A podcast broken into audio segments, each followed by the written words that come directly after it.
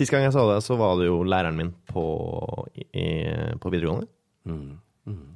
Entreprenørskap. Hvordan havna du der?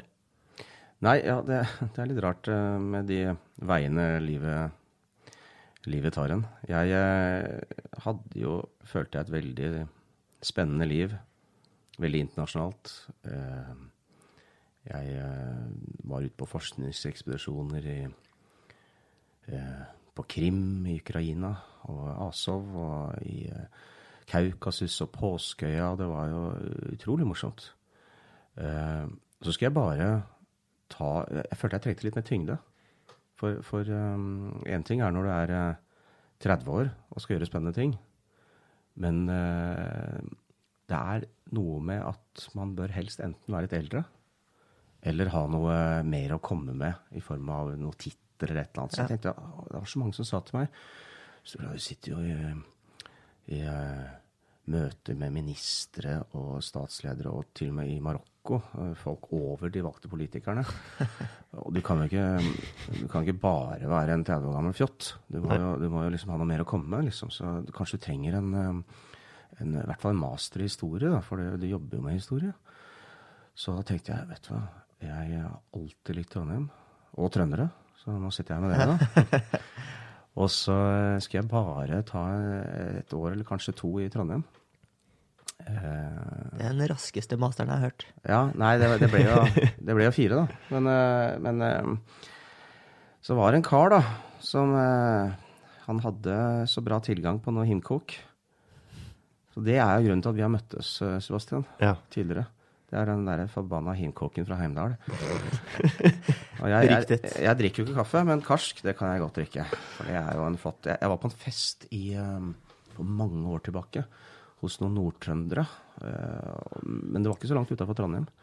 Men da hadde jeg med en franskmann, og vi hadde en fantastisk opplevelse. Men da lærte vi dette her med skal jo bare nippe til denne karsken, ikke sant. Ja. Da kan du mye lettere kontrollere alkoholprosenten din. Mm. Så du holder deg liksom ovenpå og har det bra med karsk enn sånn alt mulig av blanding av uh, akevitt og ræl og tull. Så jeg har jo for så vidt ganske mange gode erfaringer fra Trondheim opp gjennom åra. Men dere brukte ikke det gamle blandingsforholdet der du skal legge en mynt i en kopp? Jo, jo, jo det ja. var jo det på den tida. Dette var vel faktisk 90-tallet. Nei, det var, ja, det var, en god stund siden. Ja. Og da var det den mynten, at du skal kunne helle på himkok til du ser mynten igjen. ikke sant? Etter å ha tatt på karsken. Nei, kaffen. Kaffe først, og så sprit til du ser mynten igjen, da. Ja, ikke sant. Ja. Mens så, finnmarkingene gjør det jo på den måten at de legger mynten på bordet, og så drikker de hjemmebrent til de ikke ser mynten lenger. Da er det på tide å begynne å drikke kaffe. Ja. Det vet jeg ikke hva jeg skal gjøre på. Altså, jeg får barn jeg, hver gang jeg drikker karsk. Hver gang? Ja, jeg har i hvert fall fått Er det afrodisiak? Kanskje det er det. Nei, jeg vet ikke, Det kan jo ikke være meg. Det må jo være de jeg eh, på en måte Omgås med?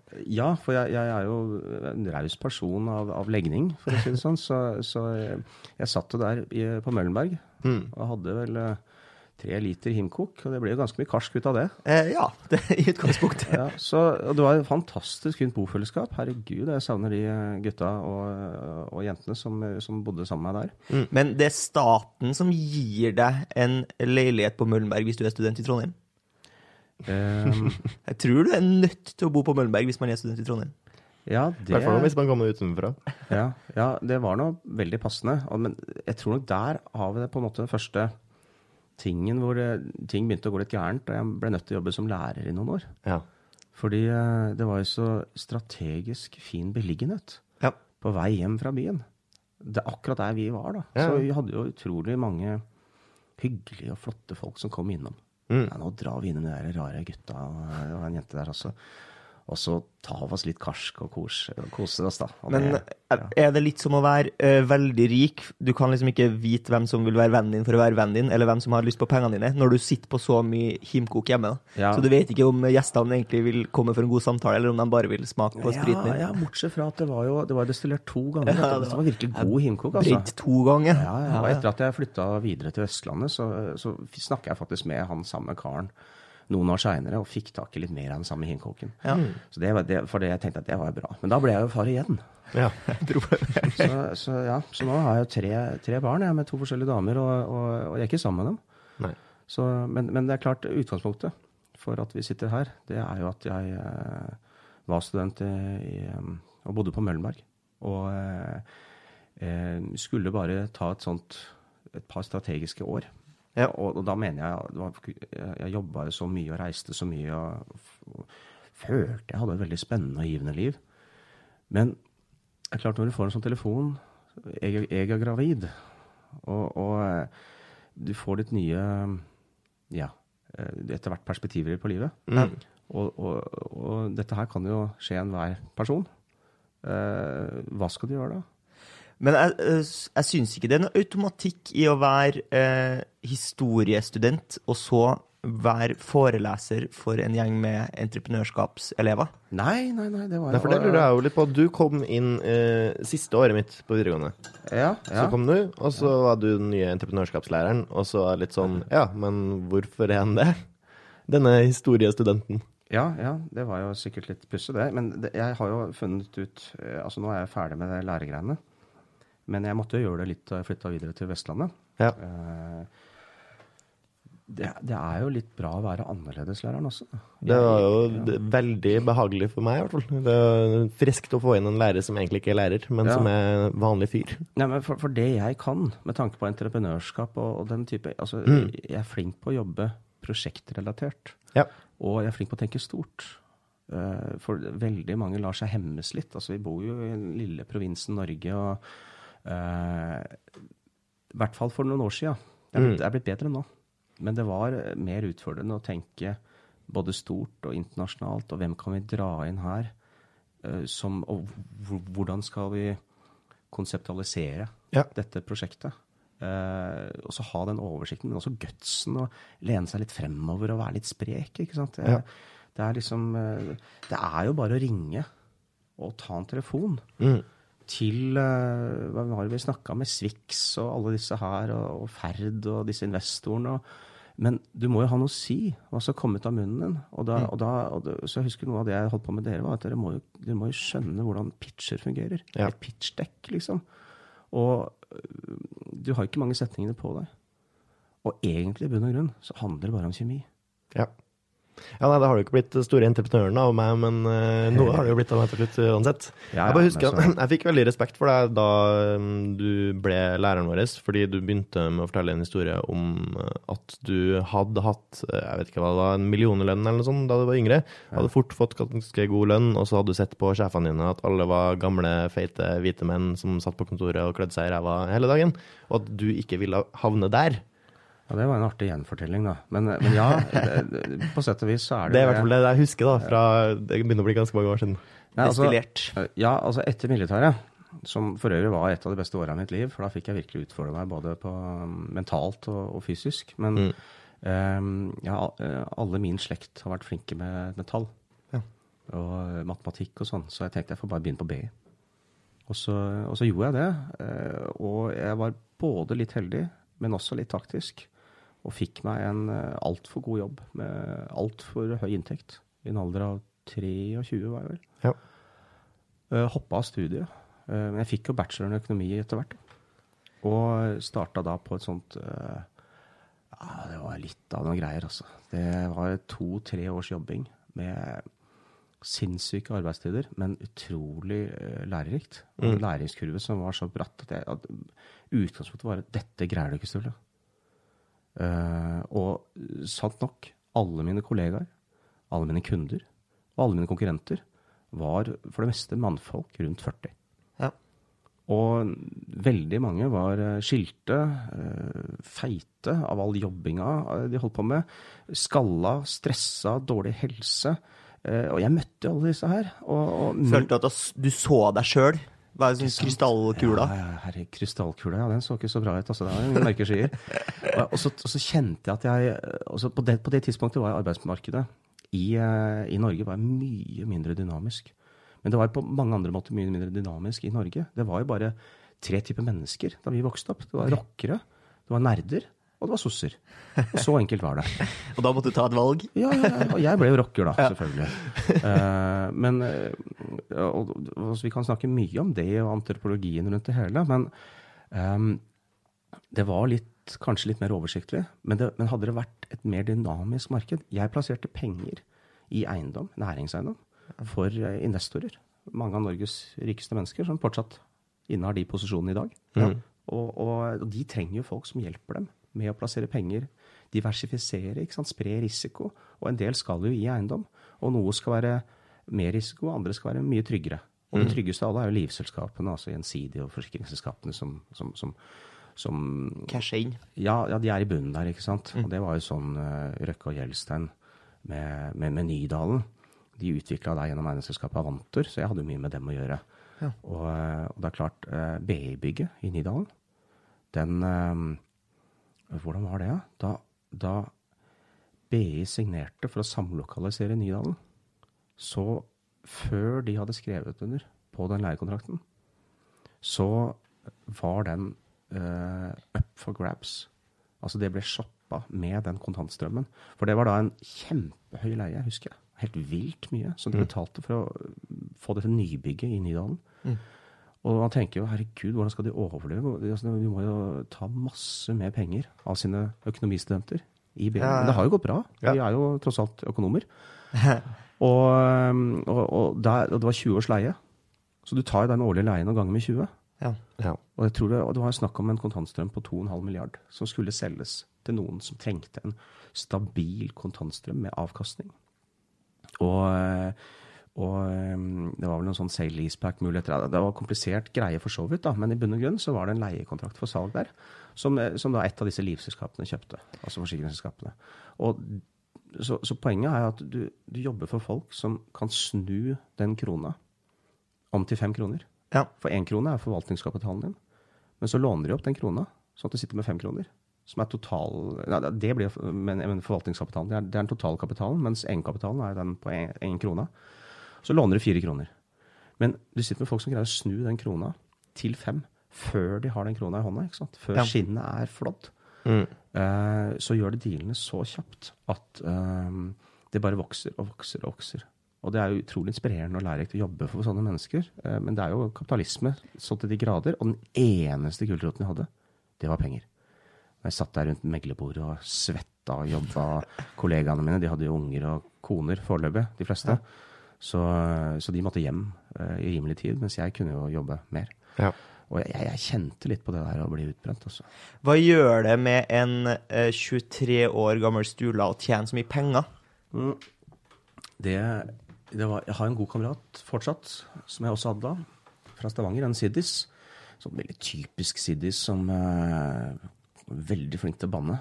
Og, uh, og er, Kræla god banne. Ja, og er litt sånn derre uh, Liker å være litt i posisjon og sitte og si 'fy faen', altså, hele verden går til skit, altså.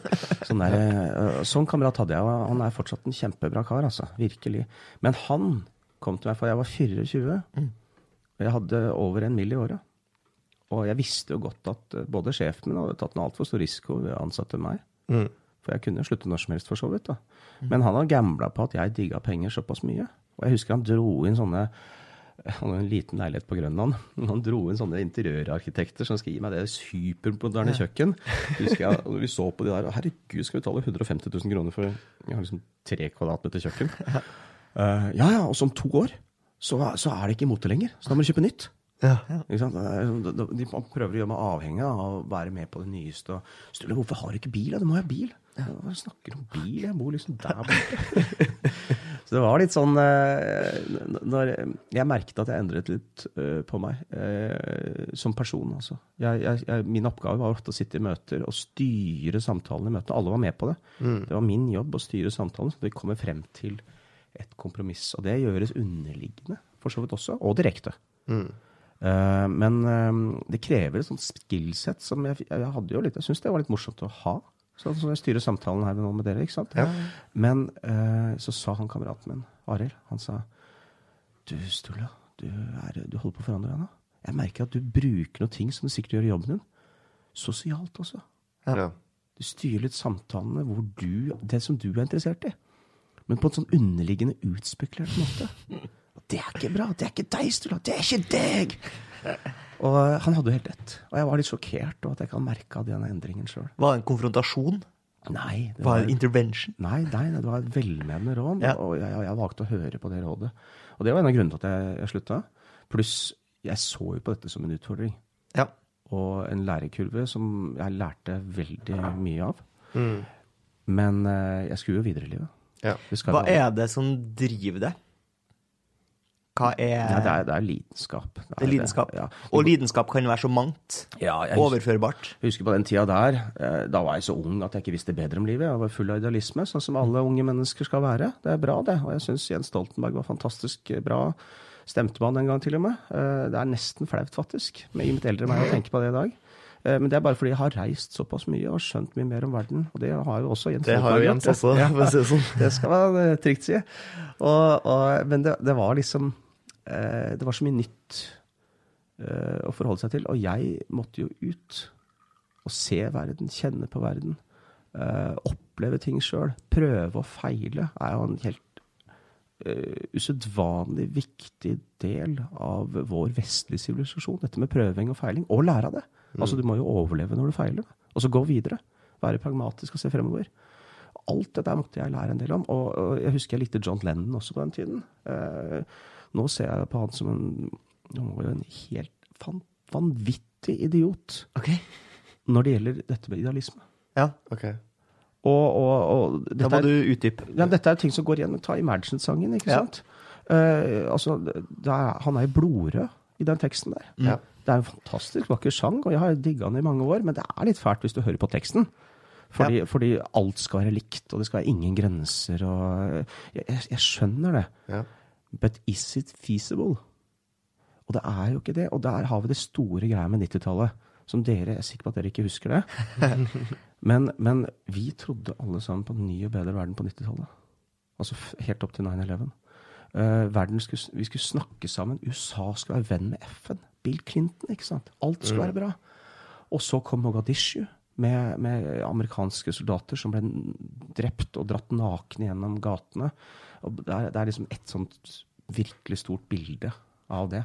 Så det bildet alene gjorde veldig mye for, eh, for verdenspolitikken, faktisk. Utviklingen av verden. Ja. Uh, rett og slett fordi bildet var så devastating. uh, for hvor dum går han å bli? Hva var det vi trodde på? Og så var det bombingene eh, første gang vi hørte om Osama bin Laden i, i disse ambassadebygningene, Tanzania bl.a.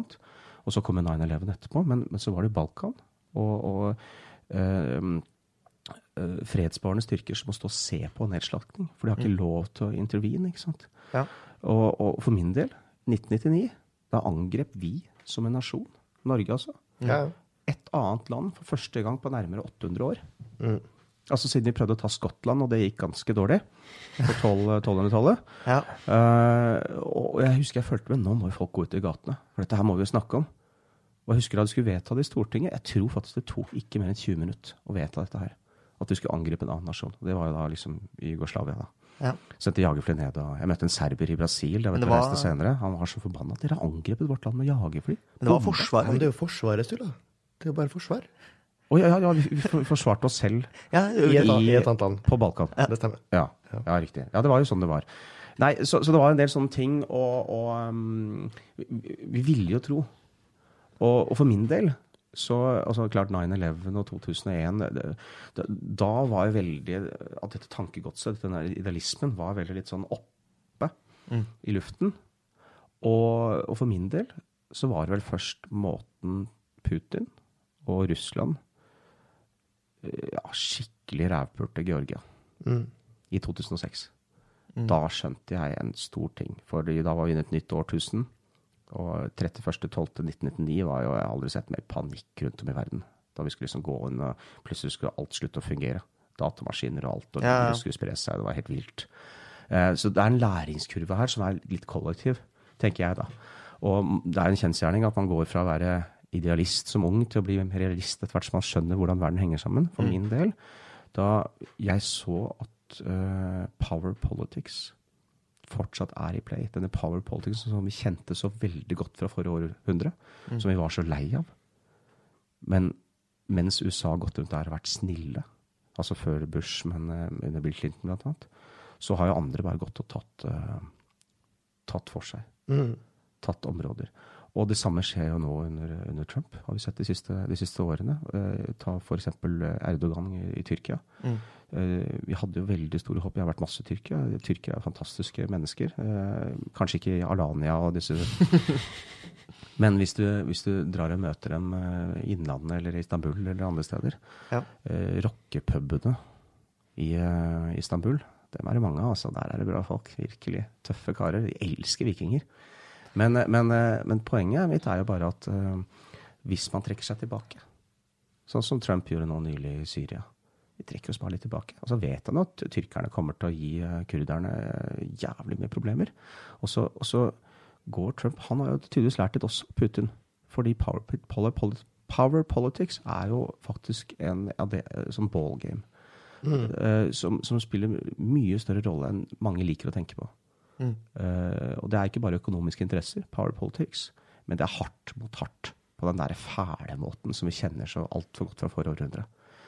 Og, og, når kurderne sleit litt for noen måneder siden, og Trump står der, og det kan man gå på YouTube og se Hvis du søker på Trump og, og 'playground', eller 'let them play a little', så, så, han sier jo rett ut at uh, vet du hva, vi må bare la dem leke litt i barnehagen mm.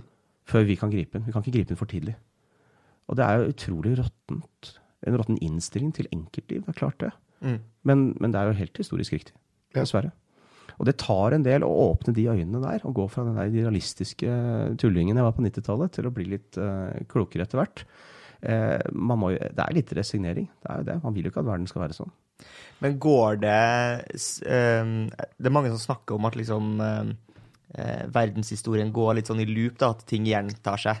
Og så er det sånn eh, good times make soft people. Soft people makes hard times. Hard times make hard people. Hard ja. people make soft times. Og, og jeg, eh, jeg, likte litt, husker jeg, da Trump ble valgt, for da ble det fått litt fokus på det. Altså Som historiker så liker jeg det. da, fordi ja. Der er, sitter hun da, sånn som Steve Bannon og en del av disse gutta satt bak da på det tidspunktet. Eh, og de har jo den der, eh, det er, det er en teori, det der. ikke sant? At vi mm. går gjennom fire tidsfaser om igjen og om igjen. Og det er de samme fire som går gjennom. Det passer på sett og vis. ikke sant? Men det er jo veldig mange teorier, da. Det er jo det. Men at, at det er jo action reaction, ikke sant. Du har en myk tid. Og det fører til at det kommer folk bak som eh, Opportunister liksom, som, skal, som ser at her, det, her, her, går det an å forsyne seg av det matfatet som folk liksom, går sånn pent ut. Ja, og, men hele konseptet med demokrati er jo, det fungerer på den måten. Det skal gå frem og tilbake. Det skal gå til høyre og venstre. Og, og jeg var jo litt øh, jeg, jeg, må innrømme at jeg var litt oppgitt over at Obama fikk fire år ekstra. Okay. Eh, altså Det var bra på sett og vis, for karen er jo åpenbart en bra kar. Altså Idealistisk sett. Han vil jo det beste. Mm. Men han hadde jo bare ett slagord, og det var change. Ja. Altså de første fire årene. Men, men, det er jo noe som heter snubletråder. Mm. Også i Norge. Hver gang en regjering går av, og den nye sosialistisk eller på høyresiden skal komme inn og ta over, så legger man jo ut snubletråder. Det er helt vanlig i politikken. Eh, og det er jo ganske råttent. Destruktivt. Eller det, ja, det høres veldig destruktivt ut, da. Ikke sant. Og det kan gå utover eldrepolitikk og mye, men hele poenget er at man skal sabotere de første åra. Ja. Eller kanskje de første to årene, hvis man får til. Så det er en sånn gridlock, så du får ikke gjort noe? Ja, og så er det kommunevalg da, ikke sant, etter to år. Eller i USA så er det jo Det er jo valg annethvert år, ikke sant. I, i praksis. Mm. For mm. å få makt. For å sitte med makten. Og um, sånn som nå, uh, måten Trump og de, disse gutta har holdt på, gjør jo at de har makt i det kammeret i Senatet som, som, som, virkelig spiller noen rolle.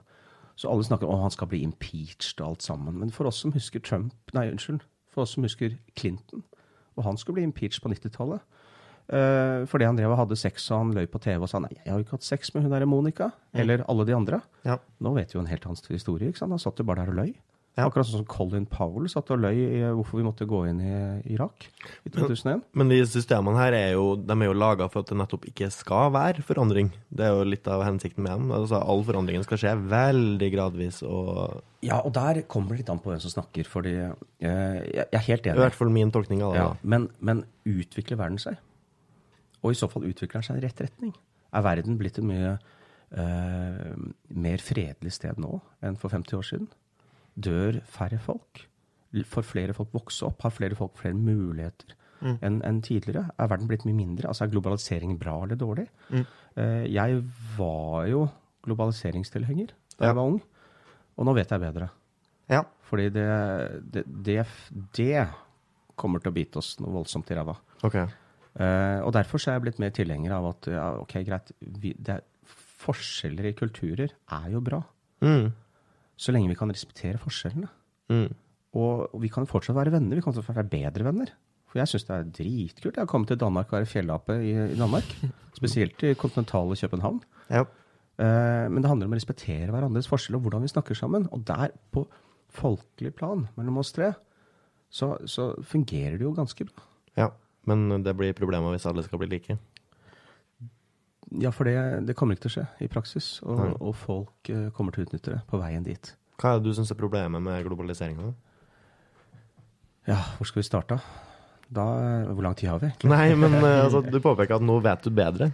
Ja, det er vel bare det at jeg, jeg, har, blitt litt, uh, jeg har blitt litt eldre, da. Og ja. jeg ser at det er så mye Ta dette med snubletråder, f.eks. Altså, Obama fikk jo en vanvittig vanvittig. Det var 500 millioner dollar, nei, milliarder dollar. Det var jo bare en sånn redningspakke for disse bankene, blant annet. Og eh, det, var så mye som man måtte løse opp i. Mm. Uh, og eh, det hindret han så mye. Og det er alle disse saboteringsforsøkene. Hvis man ja, Ta EU, da. EU-diskusjonen, brexit i England og alt sammen. Det, det, det, er så mye hvor man ser at hvis man skal bli avhengig av et embetsmannsverk, så vil man gi veldig mange mennesker Nei, unnskyld. Man vil gi veldig få mennesker veldig mye makt. Mm. Som ikke blir valgt heller. Som bare sitter der. Ja. Det spiller ingen rolle hvem som styrer. For det sitter et svært nettverk bak som styrer alt. Og de blir ikke valgt.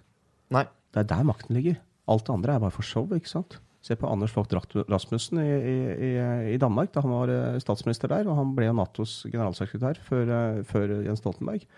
Han, han, var en klovn syns alle. men han spilte bare en rolle. Og han skjønte det sjøl. Mm. Så det, det, det, her skjønner jo veldig mange mennesker. Men så er det det der skal du tviholde på ideologi? Og, og klimasaken og Greta Thunberg og alt sammen. Jeg er jo kjempeglad for det. Men jeg, jeg har jo veldig mange venner som hater henne. Uten at de, de vil jo ikke hate henne stakkars tenåringsjente med helt åpenbart nok utfordringer i livet. Mm. Men, eh, men, jeg husker veldig godt hvordan det var på 90-tallet. Ingen brydde seg om klima. Nei. Ingen brydde seg tydeligvis da Norge angrep en annen nasjon for første gang på 800 år, nesten. Og, og eh, altså det, det, var noe med at vi hadde nok med oss selv. Og nå er jo verden Det er kanskje positiv ting med globaliseringen. Verden er blitt mye mer oversiktlig, og ikke minst gjennomsiktig. Og det ser man når Trump kan være så vanvittig ærlig, og han kommer unna med det. Men uh, du er jo uh, historiker, og jeg vet at du er veldig interessert i liksom, vikingtid. Og du har sikkert ganske god oversikt over hvordan Hvilke liksom, faser det har vært gjennom i historien. og historisk sett så har man på en måte Noen får så mye makt, og så kommer det en motreaksjon eh, kanskje fra de mange. Det er derfor man har veldig mange sånne revolusjoner, f.eks. Mm. Mm. Um, men sånn som det har blitt i dag, så er jo eh, dem som sitter med veldig stor makt og veldig mye penger, f.eks., mm. de er så fjernt unna eh, dem som eh, Altså de store massene som eventuelt blir undertrykt. De merker ikke at de blir undertrykt. Mm. Det er lettere å gå til revolusjon eller gå til kamp mot noen som er geografisk nære, da. Mm. Mens de eh, som driver og graver bord nede i sånne eh, underganger i Kongo, de, de vet jo ikke hvem Jeff Bezos er engang. Mm. Ja, det, det, kan du jo si, men syns du det har blitt verre? Nei, siste 20-åra eller siste 50-åra, 100-åra? Ja, altså, eh, syns, du, du folk er mer fjernt fra makt? Mer nå enn det vi har vært tidligere i historien? Eh, jeg tror det. Så mm. må du korrigere meg. Mitt, ja, mitt inntrykk er jo også det at uh, før i tida så var det i hvert fall mulig med en slags revolusjon. Det er i hvert fall, Mens nå er det jo så virkelighetsfjernt, fordi man er egentlig ikke klar over hvem som da uh, hermetegn styrer verden, men det er jo de med penger. altså sånn pengemessig og maktmessig så er jo uh, maktbalansen veldig mye mer forskjellig nå enn før. Du tror det, ja? Det er, det er min opplevelse mm. av det, i hvert fall. Mm. Det er altså, noen, noen sitter med så vanvittig store verdier i forhold til andre, og så dem som på en måte blir undertrykt på en mm. De vet ikke hvem de her er engang. Man vet ikke hvem som Da kan jeg få stille litt, litt spørsmål, da. Ja, gjerne. Fordi, um, du er inne på distribution of wealth. Ja. Uh, og, og, power, kan du ja, si også, ikke sant. Og det er klart det er jo, med tanke på revolusjon det er, jo, det er jo et større antall mennesker som skriker etter revolusjon nå mm. enn noen gang før i historien. Mm. Og det har jo noe med at vi var tre milliarder mennesker på 60-tallet. Ja. Og nå er vi sju og, og skal bli ni milliarder i 2040. Sier seg selv at det ikke går. Nei. Vi har ikke nok rettferdig fordeling. Nei. Og vi har heller eh, ikke nok mat, eller vann, spesielt vann. Og um, vi har rett og slett for mange mennesker allerede nå, og i en del år, har vi jo sett at disse gnisningene som eksisterer i verden pga. det, mm. det, ehm, det, er, det, er, for mye sånn som det er per i dag også. Ja. Mm. Eh, og samtidig så Mitt inntrykk er jo at det er nok ressurser. Det er bare at ressursene er feilaktig fordelt. Da. I hvert fall ikke rettferdig fordelt, kan ja, man si. Er vi nok ressurser for ni milliarder mennesker, da? Er vi ikke det? Når over halvparten av verdens befolkning spiser seg i hjel, da er det jo nok mat, i hvert fall. Ja, nok det er mat. veldig um, fin, idealistisk forestilling, det syns jeg, Sebastian. Ja. Men, men, men, er det Nå skal ikke jeg ta den der lærereleven. nei, nei, nei, men jeg, men jeg gjerne. Poenget er bare at uh, det skal jo i utgangspunktet være nok uh, kalorier til alle, og nok vann til alle. Altså Hadde det bare vært godt nok fordelt, så hadde det vært nok til alle. Det, er jo ikke, det vi trenger, er jo mat og vann og husly, og så er vi jo egentlig tilfreds. Og så trenger vi medisiner osv. for å forlenge det livet vårt. Ja, Så spørsmål nummer to, da. Hvor, hvor lenge har vi hatt denne skjevheten? Sånn, se for deg en pyramide, så sitter det noen på toppen som styrer alt. Mm. Hvor lenge har det vart, egentlig? Vet du det? Eh, svaret er sikkert sånn alltid, eller noe? Nei, ikke alltid. Okay. Men hvor lenge har det vart? Altså, kan dere tenke på noen personer som i historien har dratt fram dette med behov for revolusjon, og at det er så urettferdig? At noen sitter på toppen og styrer for så mange? Det er sikkert hver gang det har vært eh, revolusjon. Ja, ja ikke sant. Men, men uh, ta, ta, Karl Marx og Fride Kjengels ja. med 'Kapitalen' og disse bøkene og, og dette inntrykket de hadde på ja. fremveksten av sosialisme og arbeiderbevegelser på 1800-tallet. Det var kjempeviktig. Det er klart det. Og så har du jo den franske revolusjonen, selvfølgelig. Ja. Den endret jo praksis grunnloven i veldig mange land. Mm. Men det er klart, etter den franske revolusjonen, ganske kort etter den franske revolusjonen, så kom det jo terrorvelde. Da ble det jo terror. Ja. Og det var jo helt forferdelig. altså Robespierre og, og hvor mange mennesker som døde under hans hånd. Eh, men det, eh, altså den franske de franske napoleonskrigene var jo mulig pga. at de hadde verneplikt for første gang. Eh, og folk trodde virkelig på et veldig enkelt budskap. Det var de tre fargene i det franske flagget. Mm. Brorskap, likhet og eh, hva var det siste? Frihet. Frihet, ja. Takk. Ja. Og så brorskap, likhet og frihet, ikke sant. Og det, det var jo det som drev dem. Mm. Så etter dette terrorveldet så skulle Napoleon da som keiser Nå skal vi bare gjøre denne revolusjonen, fullbyrde den. Det, altså det som skjedde på liksom 1790-tallet, det var litt feil ved en av dem. Men nå er jeg sjef. Nå skal jeg spre dette budskapet med frihet, likhet og brorskap over hele Europa. Også over hele verden. Ja. Og det er jo også en aktuell debatt i dag. ikke sant? Er det bra med at man tar disse ideene og sprer dem over hele verden? Var koloni kolonialismen og imperialismen var den bra? For det spredte ideen om eh, menneskerettigheter og ikke minst eh, likestilling ut i hele verden. Og ikke minst, den hjalp til med å kutte ut slaveri. Og forby slaveri i. For alle drev med slaveri før. ikke sant? Ja. Det var ikke bare noe, noe Vesten var, men klart Vesten var jævlig gode på det. da. Uh, Pga. skipene, blant annet. ikke sant? Og at de kontrollerte så stort. At de tenkte stort. Uh, så, så, for å svare litt på, på det spørsmålet, på mitt eget spørsmål, så, så, har det jo vært en ulikhet ganske lenge. Ja. Ja, ja.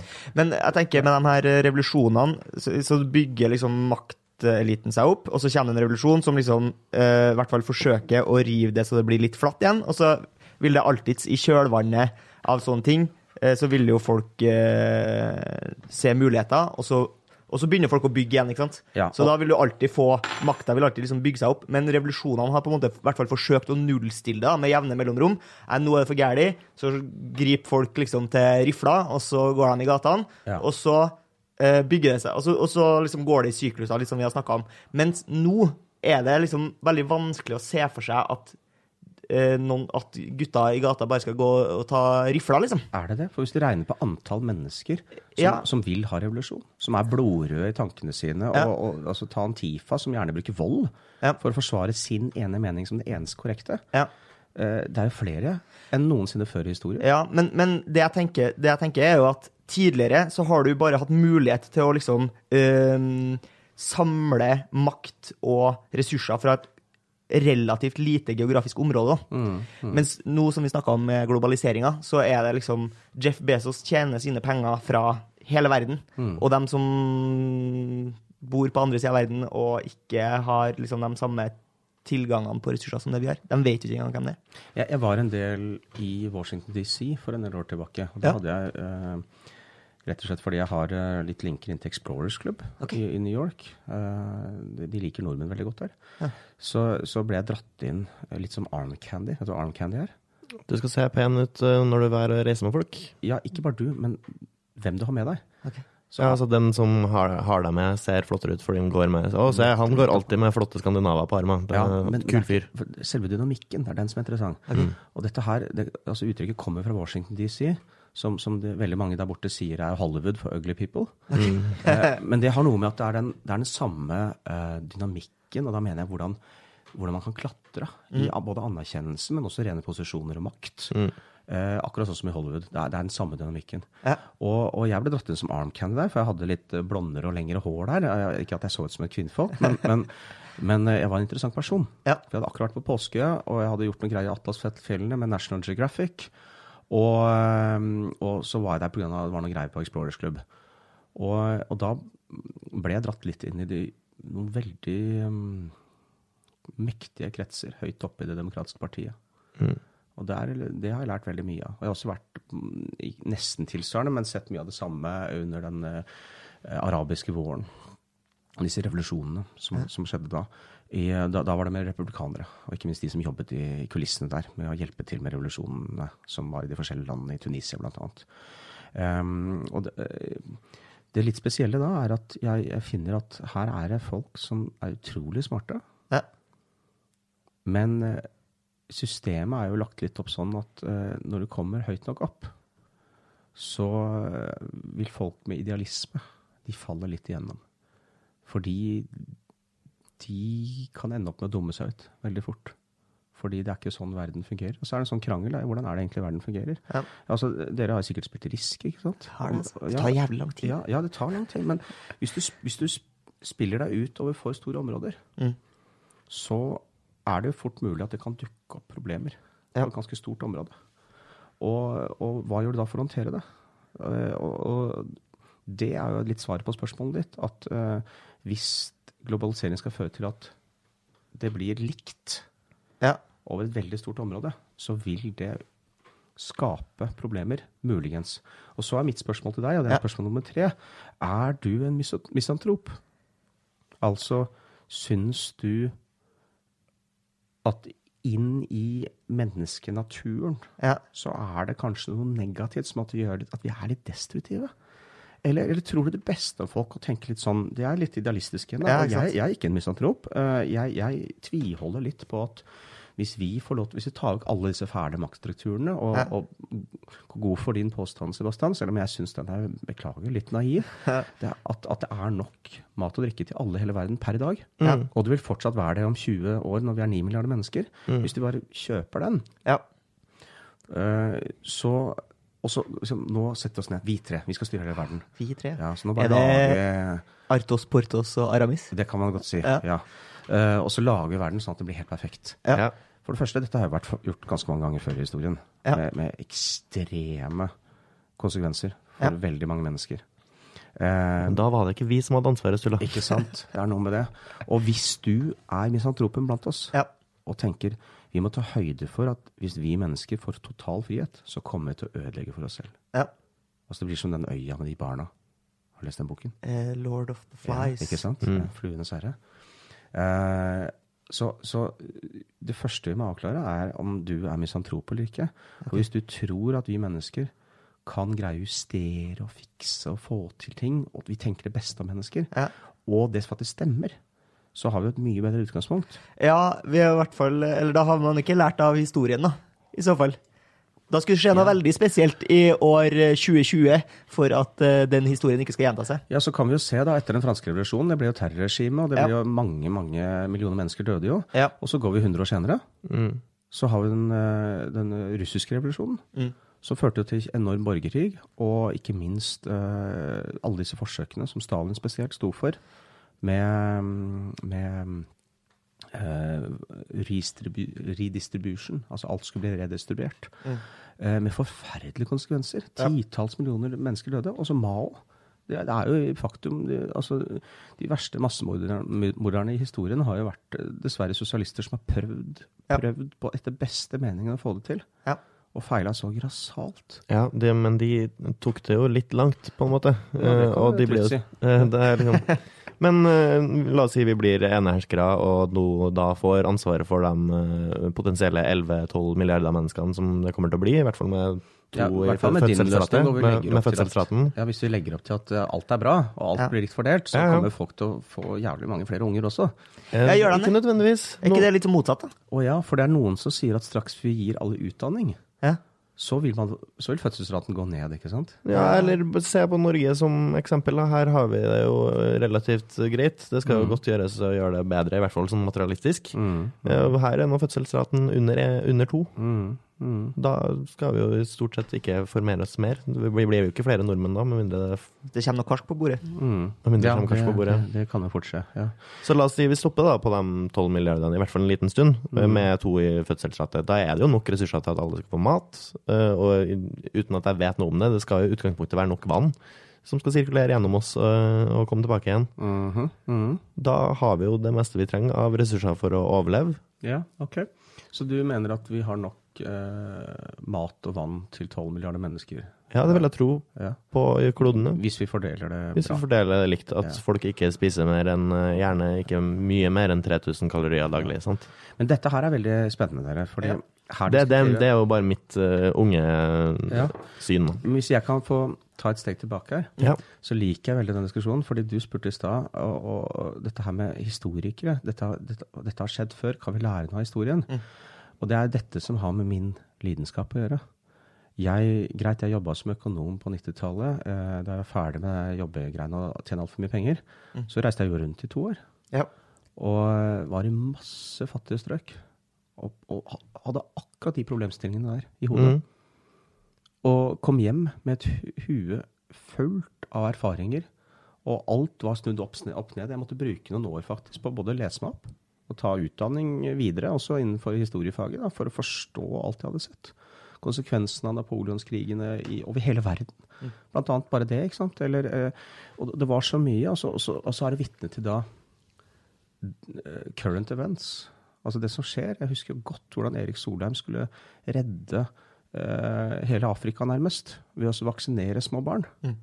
Det er ganske mange år siden nå, men han hadde det prosjektet fikk masse penger av Norge, skattepenger, som brukte til å sørge for at flere barn overlevde mm. nyfødtstadiet og, og, ble, ble, født, rett og slett. Ja. Kunne vokse opp. Uten å ta hensyn til hva som skjer ti år seinere, når det er for mange barn i forhold til ressurser mm. og mat. Og gud hjelpe meg, jeg vet ikke hvor mange av disse barna som vokste opp og ble barnesoldater, men det var et kjempeproblem seinere. Så man må jo ta hånd om hele problemet. Mm. Man må se helheten. Og det ble ikke gjort. Og det er det, det som er så vanvittig rart. at Hvorfor lærer man ikke? Og, og du, med tanke på vann Denne høsten her har han Tore øh, Nei, ikke Tore. Terje Tvedt. Øh, hatt foredrag på Nasjonalbiblioteket.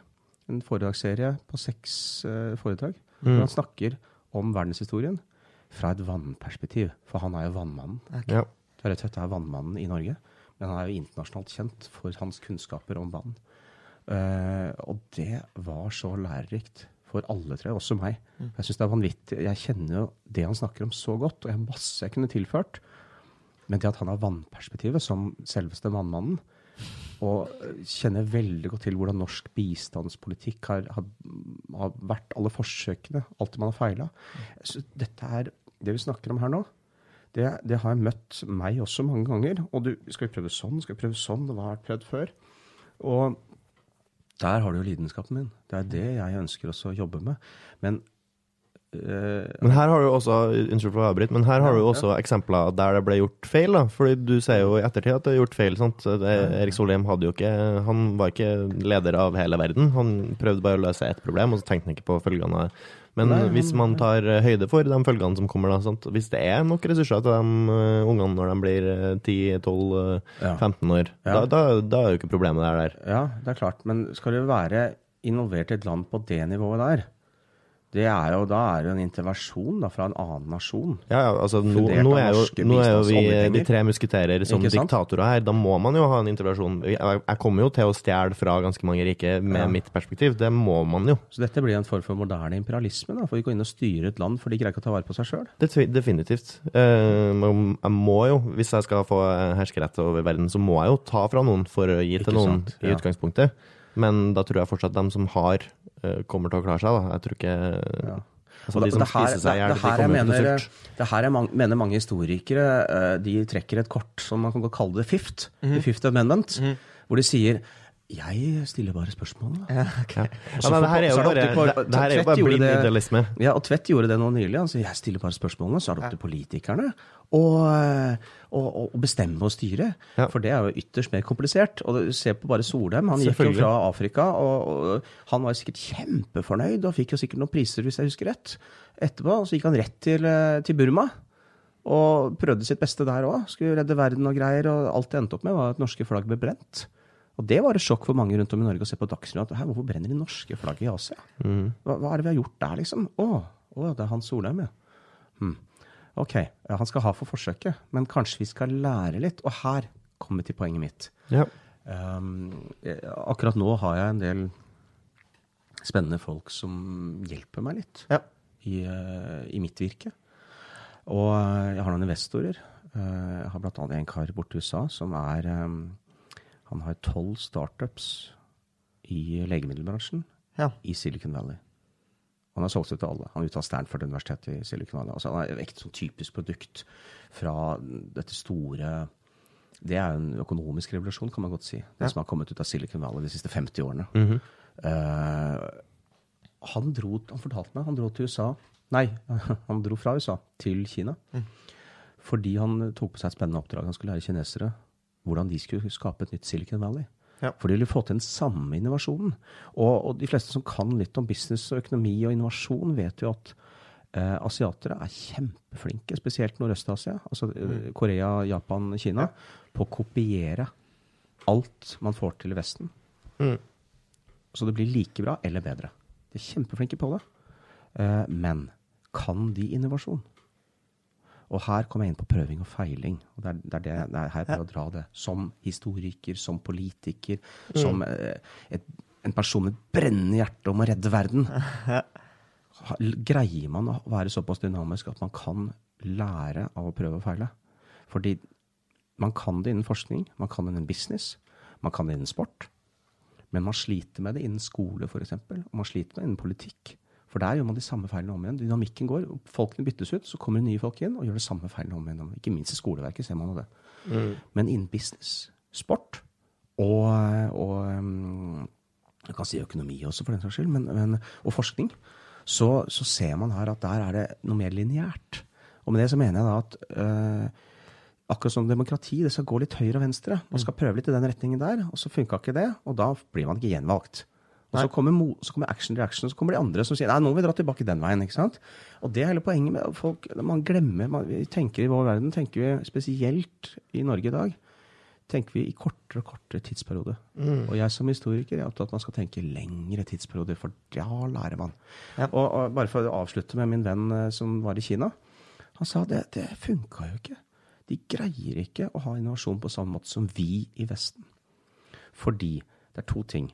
For det første dette med å ta på ansikt. Mm. Hvis du har feila. Det er veldig, veldig sterkt i hele Asia. Eh, du, vil, du, har ikke, du, har virkelig ikke lyst til å ta på ansikt. Og så um, er det dette med å forstå konseptet med at å gjøre feil er bra. Ja. Så han opplevde da at feil ble gjort, selvfølgelig. Og det er bra, prøver han å si til disse eh, smarte, smarte kineserne.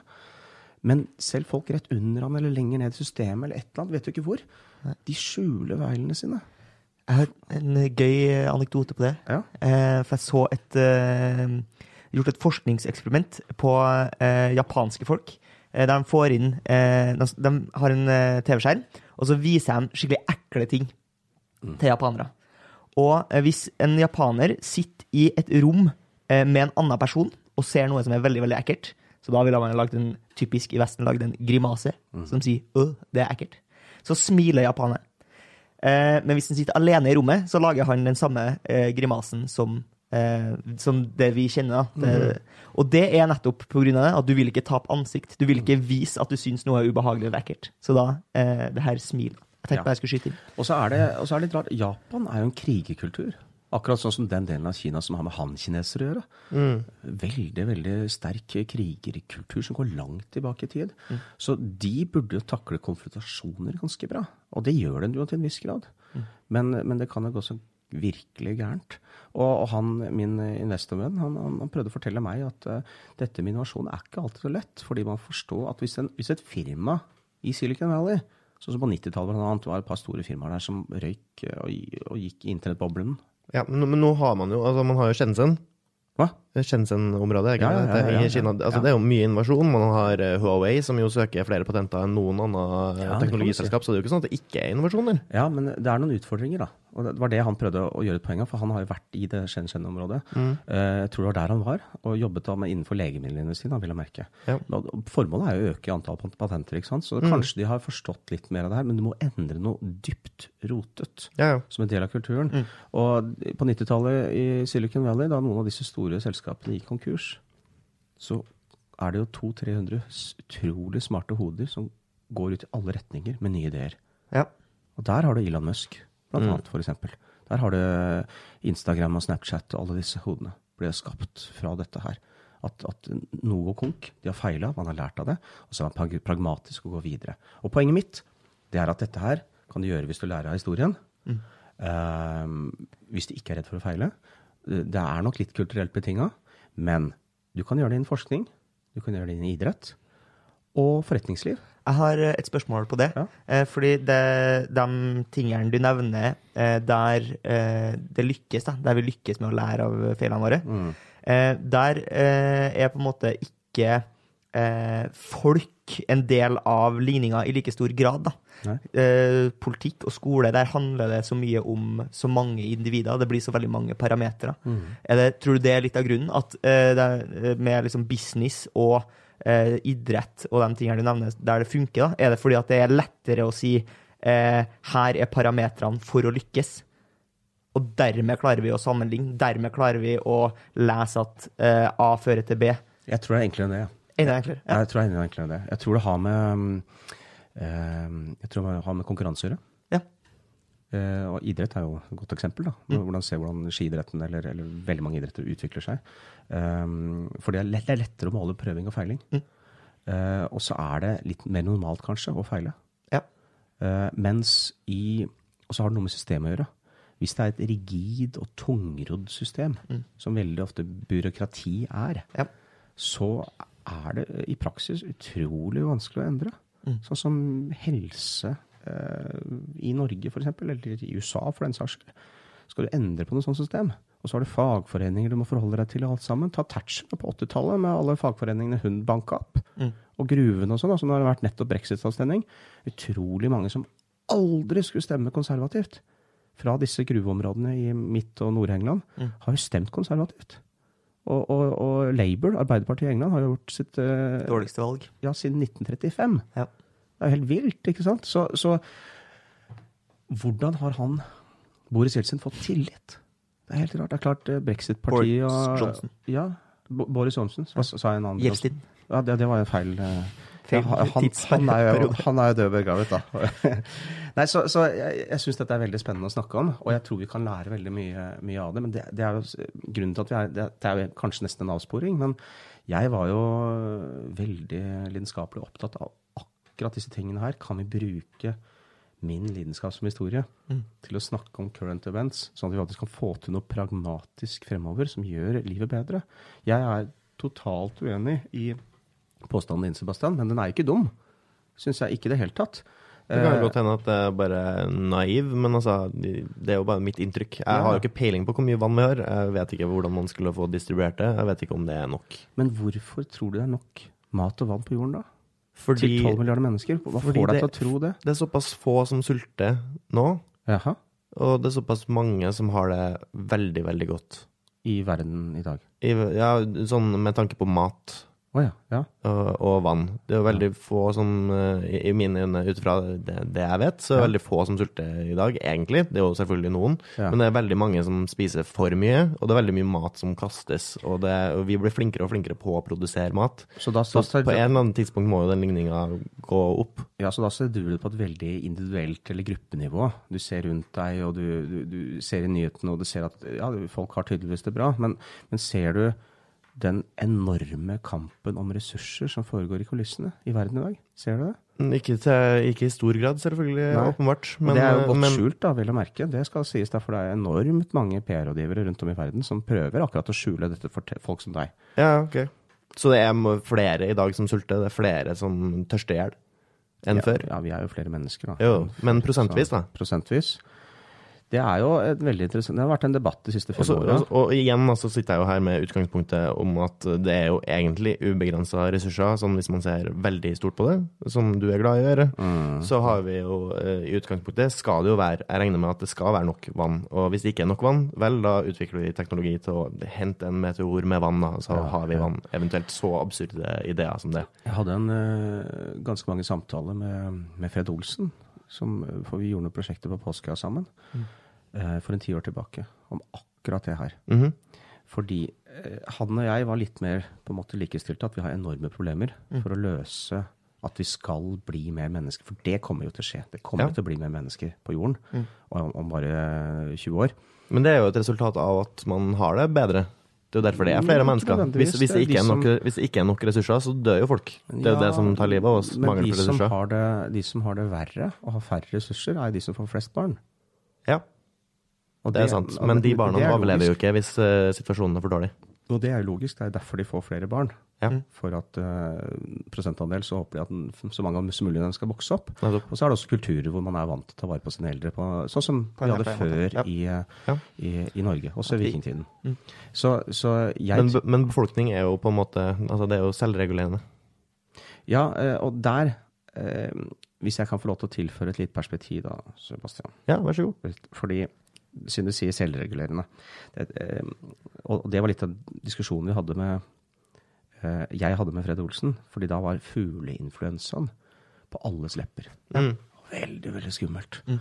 Uh, og det var noen sykdommer, og vi tenker på at her Hvis vi blir for mange mennesker, og hvis vi kjøper det at vi har et ressursproblem i dag, mm. enten pga. Um, ujevn fordeling, fordeling mm. eller at det ikke er nok, Mm. Men sikkert en kombinasjon, hvis vi kan bare si det. Um, så, er det noen spørsmål som må løses i rett rekkefølge. Uh, hvis vi skal inn på det selvregulerende, hvis vi bare fortsetter å la det gå, så, så, får vi jo et kjempeproblem. Det er ingen tvil om det. Nå har de jo faktisk um, antibiotikaresistente uh, resistente um, pestbakterier. Yersinia mm. pestis som har tatt livet av veldig veldig, veldig mange mennesker i verden i eh, ganske mange, i flere tusen år, faktisk, i perioder.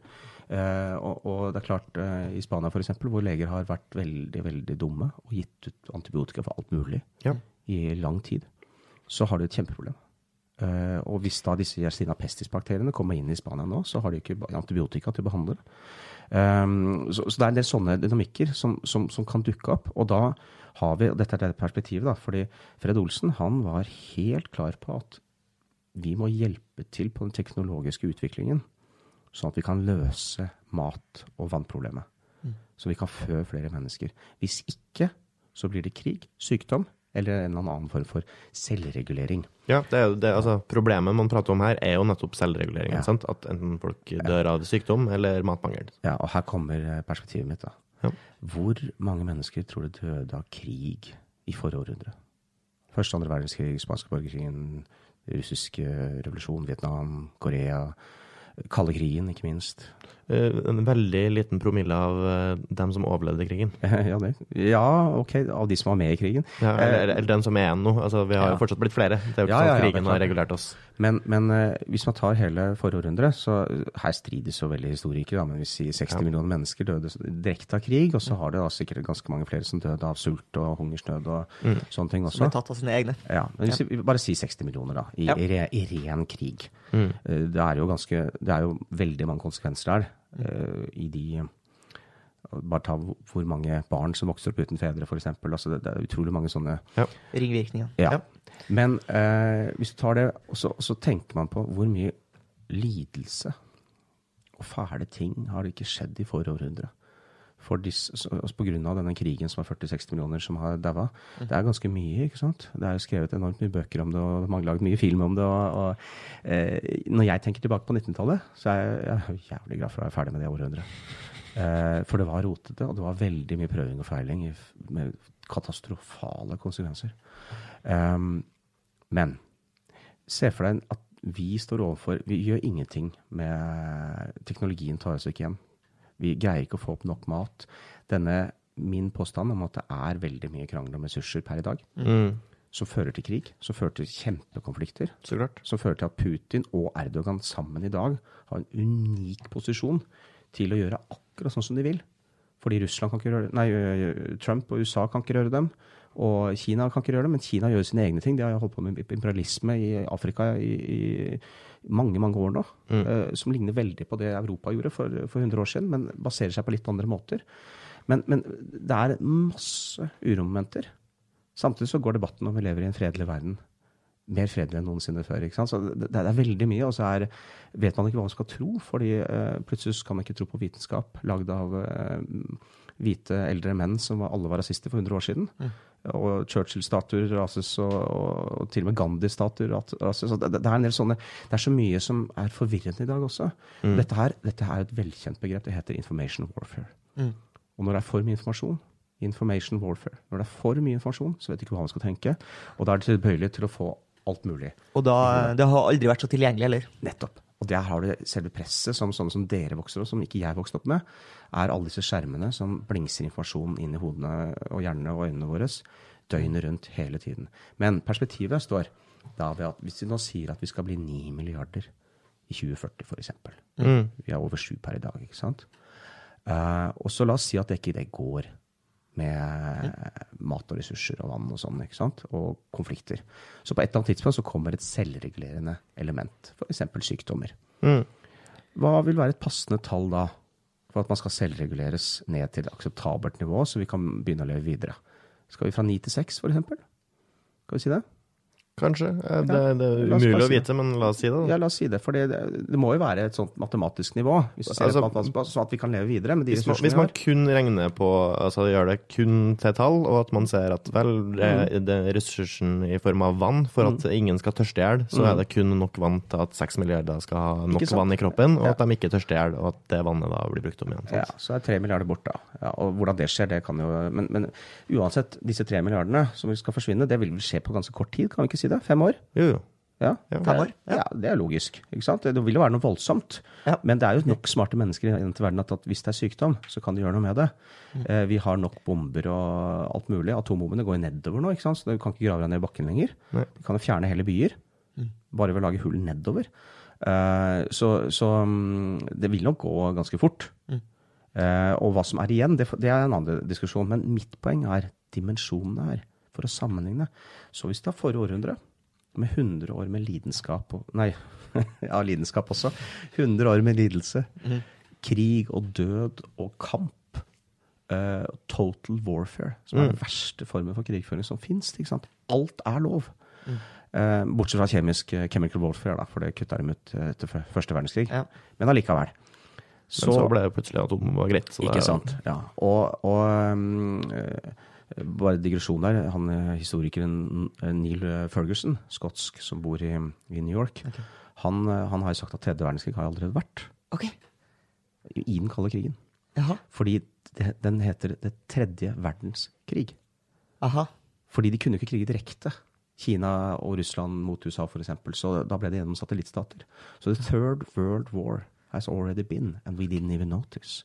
For okay. den var bare i den tredje verden. ikke sant? Mm. Eh, Korea og Vietnam og ja, Kambodsja. Ja. Alle disse satellittstatene eh, som, som eh, så, så, så, så, ja, det var en digresjon, da. Men, men, men, poenget mitt er at hvis du tar 100 år med, med lidelse, mm.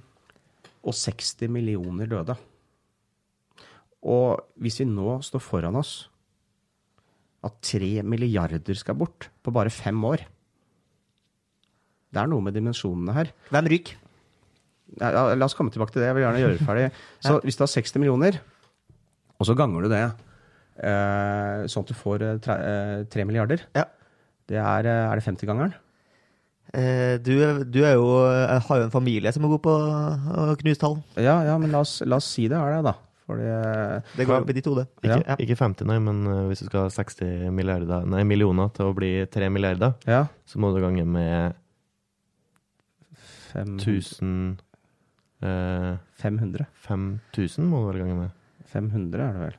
Bare 500? Ja. ja. Uff, dette er fælt å ha på podkast. Tre milliarder delt på, fem, delt 60. 3 milliarder delt på 60. 500. Eller ja, 500 eller 50 millioner. Altså 3000 delt på 50. Nei, unnskyld, 3000 delt på 60. Men det er, ikke, det er ikke nødvendigvis sagt at det skal bli altså, flere år med lidelse. Men lidelse vil det jo bli. Ja, jeg, jeg, tenker, si, jeg, tenker, jo dimensjonene her. Hvis du har eh, 60 millioner og 100 år med lidelse, mm. 60 millioner døde, mm.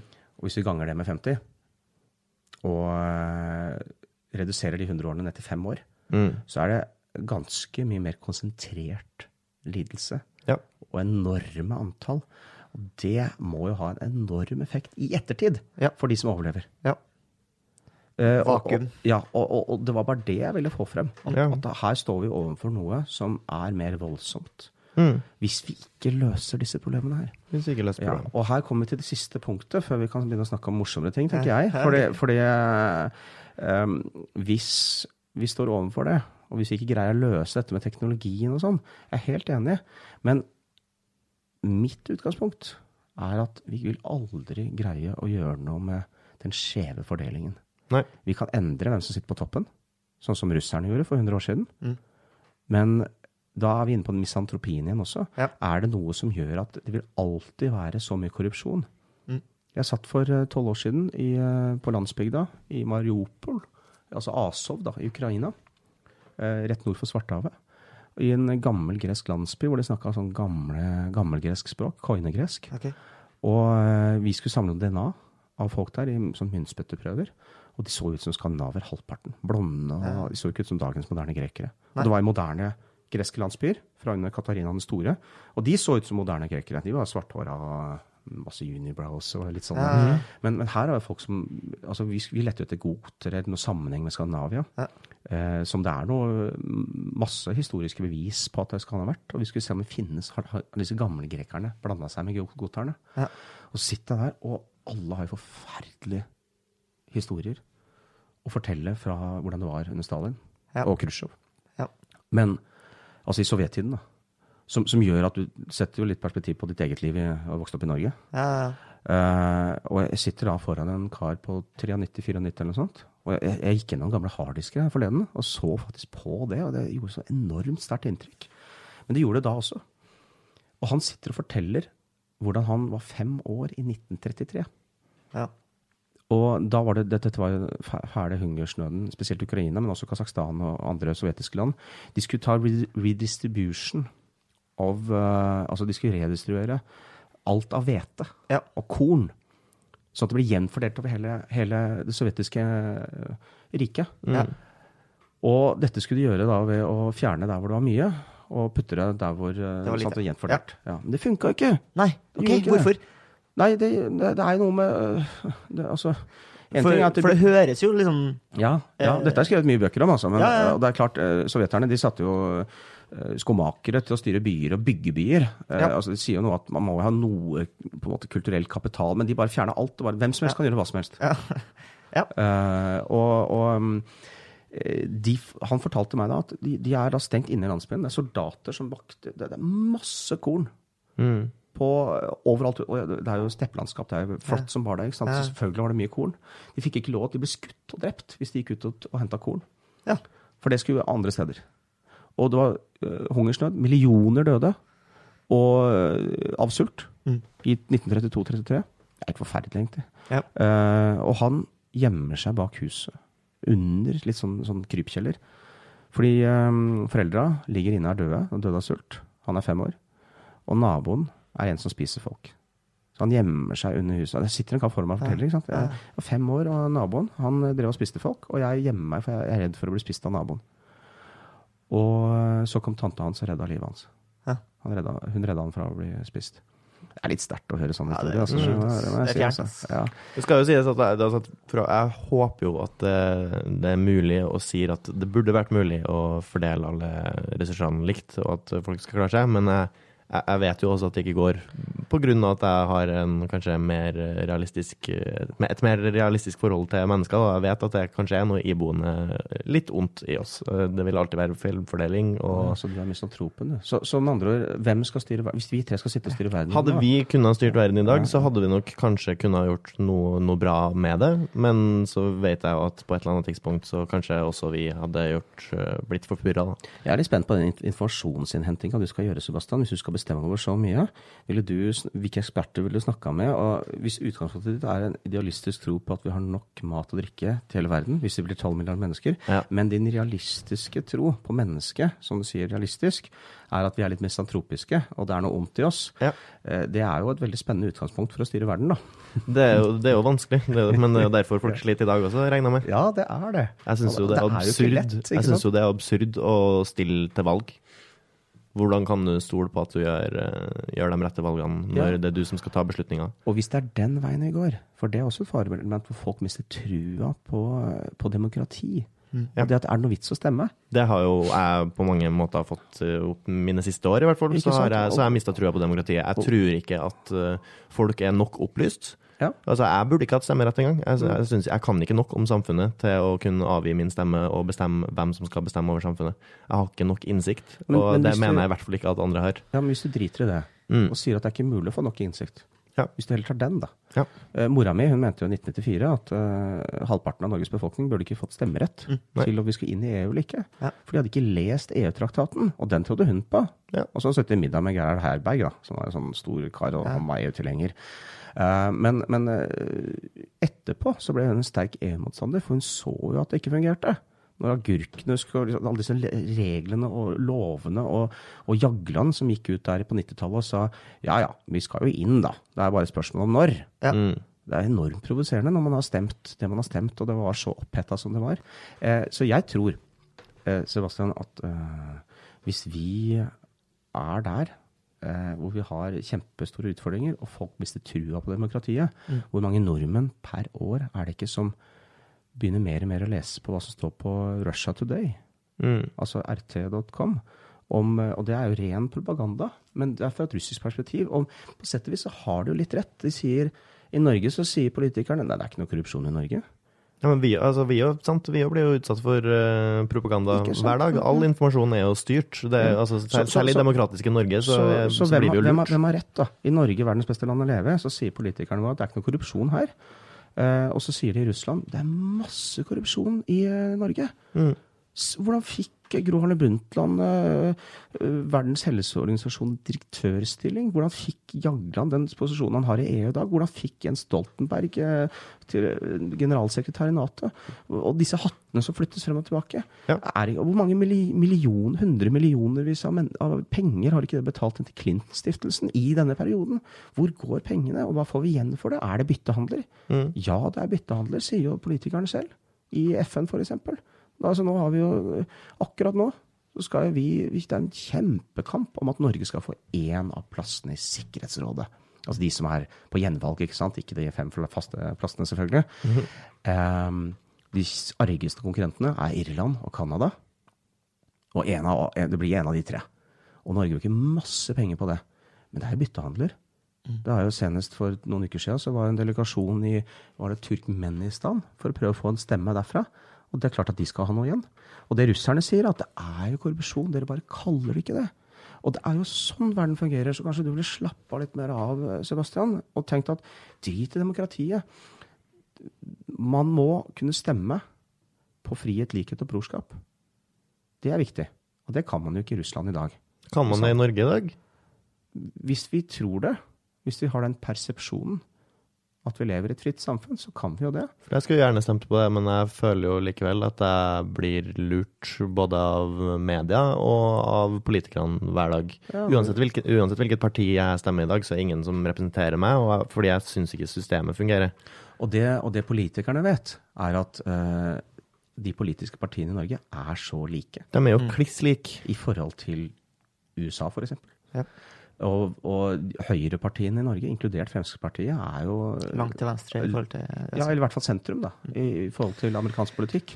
Så det er en sånn liten lekekasse, og det vet jo norske politikere veldig veldig godt. Ja. Og så er det bare å navigere litt sånn. Og så er det noen politikere som vil videre og har mye mer internasjonale ambisjoner. Og da er du inne på dette byttehandel-greiene, som gjør at veldig mange blir resignert når vi ser at skattepengene våre, og strømpengene ikke minst, går Altså hva har um, italiensk mafia å gjøre med vindmøller i Norge? Det er et fælt spørsmål å forholde seg til for mange politikere i dag. Hva har uh, italiensk mafia med norske vindmøller å gjøre? Det er bare å se det på hvem som står som eierselskap på disse Det er jo mange som ikke vet engang. Ja. Ja, Altså, det er- jeg vet ikke. Det, det, nei, Italia er den store. stor Jeg har vært nettopp i Italia. Kjempestor debatt. Hvitvasking av penger Ja. gjennom grønne prosjekter. Ja. Det, er, det er vill vest. Selvfølgelig. Det er ja. åpent marked. Den. Ja, og da er mitt spørsmål er det italienske eiere, altså selskaper, bak norske vindmølleprosjekter i dag. Mm. Og det er bare ett sånn Det alene kan føre til at folk mister totalt respekt for eh, demokrati. Det funker jo ikke. Og så begynner man å se mer på Russia Today og, og, og høre og lese, og så får man det perspektivet, og da blir man, blir man i hvert fall misantrop, eller eh, mer realist da, kanskje enn idealist. Ja. Og hvis vi tar utgangspunkt i at verden ikke funker, så har vi jo kjempestore problemer. Ja, vi har jo kjempestore problemer. Jeg bare vet ikke hva som er alternativet. Jeg vet ikke hva som ville vært bedre. Jeg har jo lekt med tanken på at i hvert fall teknokrati hadde vært en gøy idé, bare fordi jeg alltid har hatt en slags eh, eh, mistillit til at eh, hvem som helst kan bli stemt eh, fram, og hvem som helst kan styre over ganske mye ressurser. Altså, man kan bli fiskeriminister uten å noensinne ha sett en torsk, eh, og da prøve å lede noe du ikke har peiling på. Da, derfor har jeg på en måte mer tillit til da, empirien og vitenskapen, og tror på at Uh, kanskje teknologer, de som har peiling på hvert sitt felt, kanskje også er de som er best til å lede. Husker du Jagland på 90-tallet? Eller kanskje ikke, men eh, han tegna Det norske hus. Han som okay. være statsminister, tar over til Gro. Gro Harlem Brundtland. ikke sant? Og liksom, nå, skal, nå skal det bli bra, vet du. Vi, har, eh, vi skal ha 36,8% av befolkningen skal ha hver vår oppslutning. Alle følger på hva jeg gjør nå, så nå, nå finner jeg på noe nytt. Det skal hete Det norske hus. Herregud, vi har knapt ledd så mye siden vi så Dis, kanskje, den filmen. Ah, Men, Jeg har sett. ja, ja, apropos Aune Sand, eller var det Vebjørn Sand? Nei, Aune var Ja, det. Ja, ja.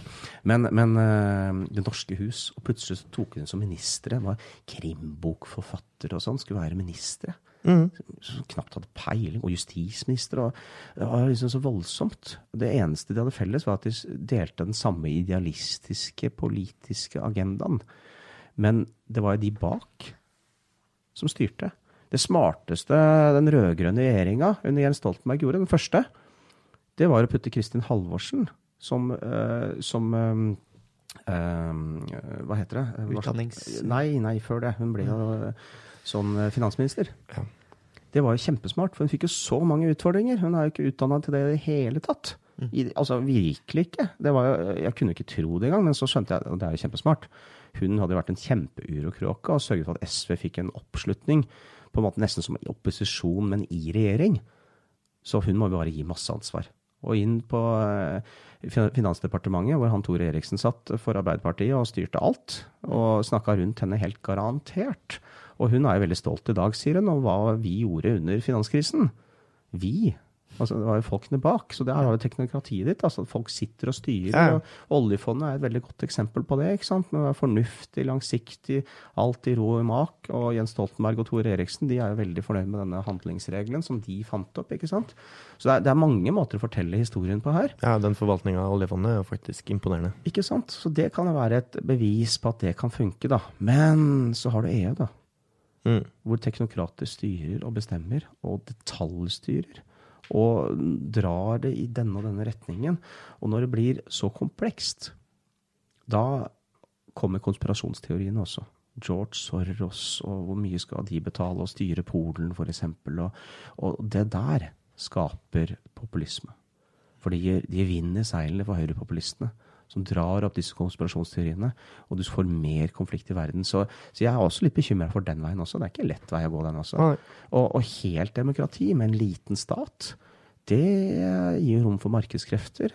Og, det gir rom for at populister på den andre siden av den politiske skalaen kan dra og fortelle om grådighet, og, og det opplever vi også. Altså, vi utsettes så mye som mennesker og velgere i dag at det er jo ikke lett å orientere seg. Pluss fake news og, og mistillit til universitetene og forskning og alt mulig. Det er ja. ikke lett, altså. Hvor lang tid tar det før jeg ikke ser den samme VG-forsida som alle andre? Nei, det, det, Her ble det real, gutta. Skikkelig ja. gloomy søndag. Skal, skal, vi dra i en annen retning, Stula? Ja, du, har, um, du driver med et filmprosjekt. Eller ikke film, men eh, video Jeg har flere, egentlig. Altså. Ja. Men det, det, er, det er en TV-serie som kommer snart. Um, for, for, jeg syns det er viktig at um, historikere ikke bare skal drive med forskning. De, Også ja. driver med formidling, ja, eller? Ja, det er akkurat som filosofer. ikke sant? Jeg kaller deg filosof i dag. Du er jo egentlig bare en idéhistoriker. Okay, ja. Du kan du har en, du har en noenlunde oversikt over hva de som har vært smarte, har, har tenkt sagt og sagt mm. til enhver tid i historien. Ja. Og du kan relatere det til noe. Ja. En problemstilling som vi snakker om i dag. Da er du idehistoriker. Og noen av de kaller seg filosofer. Ja. Men det aller meste er jo tenkt før. Men tror du han har kjærlighet til visdom, da? Er ikke det viktige, da. Det må vi jo ha. Altså, jeg, jeg, tenker, jeg har ikke lyst til å drive og sitte der med nesa i noen eh, rapporter og bøker og få det utgitt sånn uh, her og der. Nei. Det er så mye spennende nå som skjer i, med forskning. Ja. Og det å kunne fortelle om det. Så, så det var litt sånn tilfeldig. Jeg var i eh, LA, i Los Angeles, i ja. februar. Mm.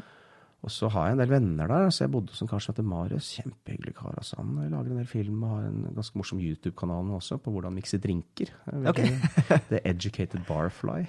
Eh, han, eh, han, og jeg vi har alltid hatt veldig god tone i, i mange år. så jeg, Nå bor jeg et par netter hos han. Ja. Og eh, Så prater vi litt om prosjekter og sånn, og så sier han plutselig Du, jeg tror du skal møte Glenn, ja. Han er svensk.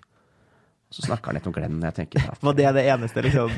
Han er svensk, så du er nødt til å ja, Glenn, han ville like. Ja. Det var argumentet. Han ville like. Han er svensk. Men han visste hva Glenn holdt på med. Glenn er filmprodusent. da.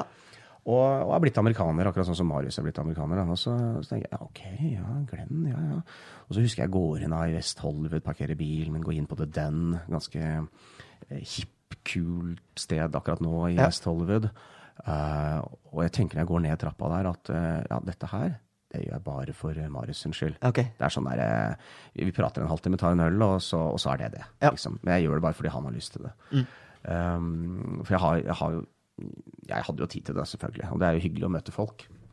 I hvert fall interessante folk, da. Ja, ja, ja. Og han, det viste seg han var jo ganske interessant. Og jeg forteller jo på min måte om hva jeg holder på med med forskning, og historiebøkene våre må jo skrives om kraftig de neste årene. ikke sant? Og dette jobber jeg med, for jeg har jobbet med DNA, og det er jo naturvitenskap. Ja. Mens historie er jo humaniora-fag. ikke sant? Så det, jo, det, kommer an på hvilket syn, syn du har på det. Ja. ja. Mm. Og hvilke ører du skal nå.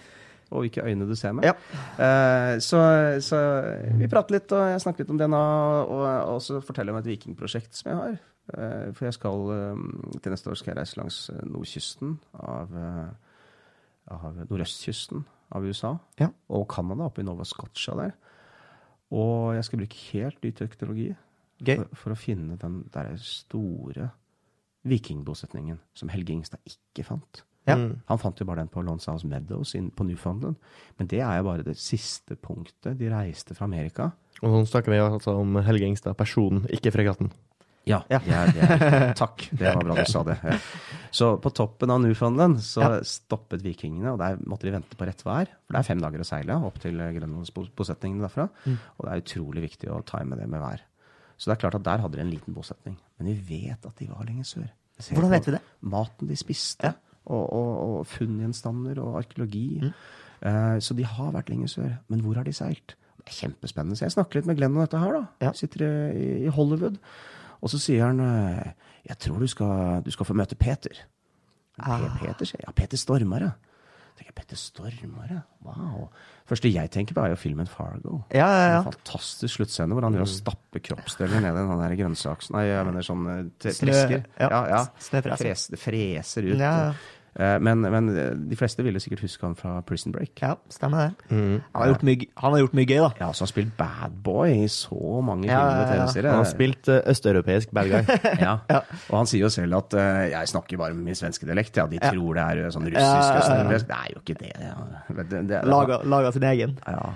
Og vi møttes to dager senere, og sjelden har jeg møtt en mer um, livsglad og lidenskapelig kar. Altså, han er jo 60 år, ja, men herregud, du skulle tro han var 30. Ja. Og, eh, og, vi finner tonen. Ja. Jeg forteller litt om mine prosjekter, viser litt bilder og, og sånn, og han sier, vet du hva, du skal være med. Du skal være med et par episoder i TV-serien jeg holder på nå. Kom på Viaplay ja, okay. ja. i, uh, i, i, Skandinavia. Og forhåpentligvis, jeg vet ikke hvor, i Canada og USA. Mm. Alt på engelsk. Og, og, jeg sier ja, klart jeg er med. Jeg vil gjøre ting med deg, selvfølgelig. Han øh, Ja, jeg skulle bare være med i to-tre episoder. Ja. Snakke litt. Og jeg sa til han du, vet du Han snakket om Kensington Runestone. Og det er da en runestein som visstnok noen på en måte etterkommere til vikingene i år 1362, altså etter svartedauden til og med, mm. hadde lagt igjen i Minnesota. Som er jo ganske langt vest i USA, altså. Ja, men Minnesota Vikings heter de jo. Eh, ja, amerikansk fotballag. Ja, ja, klart det. Og denne runesteinen ble funnet på 1890-tallet mm. av en svensk eh, immigrant som het Oluf. Eh, som, er, som, var fra Nord-Sverige. Ja. Og, uh, og um, tanken hos de fleste har vært siden da at det var han som skrev det sjøl, og okay. han hadde et forferdelig liv pga. det han fant. Og Petter Stormare mener at han har bevis okay. på at det kan ikke ha vært Oluf som skrev den der. Okay. Som skrev de runene. Som ristet de runene. Uh. Uh, og jeg sa til han jeg kan ikke støtte det. Altså, Peter, jeg brukte ordet oppdagelsesferd i den rundeskriften. Uh. Det fantes ikke på 1300-tallet. Det er et låneord fra Nederland. Um, men, men, men, for all del, hvis du har det bevis. Ja. Men jeg vil gjerne gi deg motstand. Han sa ja, det er underbart, jeg trenger motstand. Ja. Så det er bra, det, sa han. Ok, ja, det var premisset. Og så har vi, vi har filma to sesonger nå. Og jeg er jo med Nå driver jeg og klipper, da, men jeg er tilsynelatende med i ganske mange episoder. Så gøy. Ja, Og sesong tre skal vi filme til våren. Og da, det skal ta utgangspunkt i denne Rune Steen? Nei. Nei. Min forskningsekspedisjon som er planlagt i flere år, med helt ny teknologi. Og vi skal finne den store vikingbosetningen som Helge Ingstad ikke fant. Shit. Så det blir kult. Med skal... kamerateam på nakken? Ja, og Peter som eh, er Peter. Jeg, jeg virker, han er, ja, jeg er virkelig Han er litt av en kar, altså. På positivt sett også. Så, så det blir jo veldig, veldig, morsomt. Og nå var vi eh, hadde en litt sånn morsom opplevelse i sommer med han, for da var vi og filma for andre gang. Mm. Uh, I uh, Da var vi i Maine i USA, altså noen timer nord for New York. Og dette er et av disse sju områdene som jeg har pekt ut som sannsynlige steder hvor vikingene kan ha drevet med handel med de lokale. Mm. Og Penobscot-stammen, eh, det er en indianerstamme som vi vet på starten av 1500-tallet at de første spanjolene og franskmennene som drev med handel der, de trada masse alkohol med dem. For de blir slett avhengig av alkohol. Ja, ja. Og det står det, da. Så, så jeg har jo tenkt at når vikingene var der 500 år tidligere, eller 300 år tidligere, de var der på 1200-tallet, vi vet det. At de da handla kanskje med alkohol med dem når de reiste til Vinland. Ja. Altså, ja. Og, så hvorfor ikke akkurat der? Så, så, her har vi en nydelig dag hvor vi um, Jeg har sagt til Peter vi må ut i båt. Det er 400 øyer i Penobscot Bay. Og vikingene venta ikke på fastlandet. For at disse, altså Penobscot-stammene var jo litt innenlands. De måtte jo ut med kanoer på disse elvene, eller én stor elv, da. Og så måtte de ut. Det er ganske lang um, langt langs Penobscot Bay til å komme ut til dette handelsstedet som vi visste om. Og akkurat der så er det funnet en mynt etter Olav Kyrre. Mm. Som er da 1150-1160-tallet. Nei, unnskyld, 1050-1060-tallet. Så det er funnet en mynt der mm. som vi vet er en vikingmynt. Og den kunne vært plantet, men det ser ikke sånn ut. Den er nok ekte. Men det kan ha vært uh, tradet, altså det kan ha vært en handelsvare fra lenger nord. Fordi det handelssystemet Jeg visste ikke det, men det har vært kjempesvært. Ja. Men det er et godt utgangspunkt. Og hvis vikingene var lenger sør, så har de ventet på en øy for at disse indianerne skal komme ut, og så skal de gjøre handel. Og da er spørsmålet hvilken øy av disse 400. Vi mm. reiser ut på den nydelige dagen i båt, og jeg har pekt ut noen øyer på kartet i forkant. Det var ingen av dem. Ikke snakk om. Eh, noen var for store. Det eh, kan være bakholdsangrep, og det er ikke sandstrand. Eh, selv for 1000 år tilbake, da havstanden var litt forskjellig. Um, det, det, må passe. For det vi må huske på, vi må tenke som vikinger. Vi må lese topografi som vikinger. Og vi må se etter landemerker som er lett å kjenne igjen, sånn at de kan reise tilbake til Grønland og fortelle om Der skal du, og der skal du, og se etter det fjellet. Mm. På den øya der. f.eks. Det, det, må være det må være mulig å gjenfortelle. Mm. Og finne tilbake til samme sted. Og alt det var på plass, og vi kom til at det bare var eh, tre øyer det kunne være. Og den ene øyen så ut til å ha en naturlig havn. Så vi, vi drar dit. Og hva tror du vi finner? Nå kommer dette på TV, jeg skal ikke si for mye. Hæ? Men vi finner da en bitte liten øy ved siden av som ser ut som en vikinggravhaug. Altså det er akkurat som en gravhaug, med Hæ? båtform til og med. Hæ? Herregud. Så, så, jeg har jo vært på jeg har liksom vært litt breial og sagt nei, vi må lese landskap og tenke ja. som vikinger. Og jeg bor i den norske fjorden og, og, er en seiler, så dette her kan jeg. ikke sant? Og jeg er historiker, bla, bla, bla. bla. Ja. Og så kommer vi til denne øya, og så er det, er det faen meg en gravhaug der. Ja. Altså, eller er det det? Jeg vet ikke. Og dette kommer da på denne TV-serien. og jeg kan, ikke, jeg kan, ikke, avsløre det nå. det får jeg ikke engang. Men, eh, men, det er jo vanvittig morsomt, da, så vi måtte reise tilbake dit. da. Men eh, det som er veldig spennende Får du kun gjen, gjenfortelle ordet det var? Hm? For du klarte å gjenfortelle hvor det var? Jeg gjorde det. Så, rett, vi dro tilbake til samme øye. Ja. Det som er veldig spennende med altså vikinghistorie, da, er jo at det er folk jævlig interessert i i hele verden. Ja. Eh, kanskje, kanskje, mer enn man kanskje er i Norge, da. Ja, har jeg opplevd når jeg har møtt folk i utlandet, så er de sånn Å, er du norsk? Rødt skjegg og ja. viking, liksom, og norsk mytologi. Og så ble de jævlig skuffa, hvis jeg ikke har Hvis jeg kan si kan ikke, si, ikke like gira. Jeg kan ikke si så mye om vikinger. Jeg vet nå at de fantes og Ja, men du skal jo vite at dette er en mare for oss. Altså, jeg har jo reist ganske mye rundt om i verden. Ja. Og også da jeg var backpacker. Det var helt forferdelig å være Viking blood. Ja, altså være en tilsynelatende viking, da. Uh, irene de forventer at du liker alkohol like mye som dem. Ja. Så de må jo være med å drikke øl. Jeg husker jeg var i, jeg skulle på sånn thaiboksingmatch i, um, i Bangkok. Og da var vi i et ganske dårlig område. Jeg reiste med en tysker og en canadier og en amerikaner. Uh, og vi bodde på sånn herberg og greier. Nå skal vi se på thaiboksing. Og så ble vi advart flere ganger da, mot å gå inn i selve lokalet, for det var så mye veddemål, og vi var de eneste utlendingene. så det kan hende at hvis noen tapper penger, så blir de jævlig sinna og vil slåss med oss. Ja. Bare fordi vi ser annerledes ut. Og da turte ikke disse tre vennene mine å gå inn og se på kampen. De vil heller gå og drikke elefantøl. Ja. Um, og jeg syns jo det var veldig feigt, da. Jeg må innrømme det. Altså, for jeg hadde jo lyst til å se på det. Jeg tenkte at vi kunne jo Ja, ja, ja ok, greit, men det blir ikke så ille, liksom. Men det er klart. Det, det, se for dere se på kvelden, og det er litt sånn um, uh, backstreet, uh, unruly. Um, så sitter det uh, fire israelere, unge, ja. Rett ut av militærtjeneste. Den er jo fire. Krav Maga. Ja, ja, ja. men det er, det er, fire års militærtjeneste i, i Israel for menn, og, og, tre for kvinner. Så jeg går bort til dem da, og prater og sier nei, vennene mine, de, de, de, tør ikke. Nei. Og så kommer han en opp til meg og sier ah, come on, you're a viking. You know? Mm. If there's a problem, we just stick together. Og det Ja, greit, men altså, altså du skal jo leve opp til denne stereotypen om vikingene. ikke sant? Og det er jo en del eh, professorer og historikere i Norge og andre land som har prøvd å liksom, drepe myten om, om vikingen ja. ved å gjøre oss så fæle som mulig. Ja. Eh, Skutt seg sjøl i foten. Ja, for det stemmer jo ikke. Vikinger var fantastiske handelsmenn. Ja, og det reisende. Var, det var jo litt plyndring og voldtaing Ja, selvfølgelig. Men, men liksom, det er blitt fremhevet i en historisk tradisjon ja. siden 60-tallet. At vi var helt forferdelige. Vi skal ikke være stolt av det. Nei. Men jo mer de har gjort det, jo mer har det sørget for at merkevaren om vikingen og stereotypen har blitt bevart og hyllet. Mm. Ble ikke vikingene eh, kalt til Russland for å hjelpe dem å bygge opp en stat? da? Ja, det er jo, og det, Russland nektet jo det, for det for mange, i mange år. da, mm. Eh, for de ville ha liksom at det skal, Russland er lagd av russere. Ja. Eh, og nå er jo Vikings-TV-serien ja. tar med masse, men, men, det er det vi snakker om, det er én familie ja. som er den lengstlevende eh, familien, rojale familien, i verdenshistorien, det er den russiske Rørik-familien. Rørik. Som de norske kongene hadde et veldig nært og tett forhold til. Ja. Og de er kjent i historien som, som Oleg, men Oleg var jo Helge. Mm. Og de, altså Ingvar altså, De hadde jo norrøne navn mm. mm. på den tiden. Ikke sånn som i Vikings-TV-serien. Men, men, etter 100 år så ble navnene mer russifiserte. Mm. Og de valgte seg ortodokse, den ortodokse kristendommen istedenfor katolske. Og, og, og, det kyrilliske alfabetet istedenfor uh, det latinske. Mm. Så at de skilte seg ut. Men det var det vikingere som gjorde. Og det er den samme familien. Og i Norge og i resten av vikinglandene, og viking, også Normandie, uh, så er det da eldstesønnen som arver alt. Ikke sant? Det har vi, det Odelsgutt. Odelsgutt, ikke sant? Ja. Og, og, sånn har det alltid vært. Ja.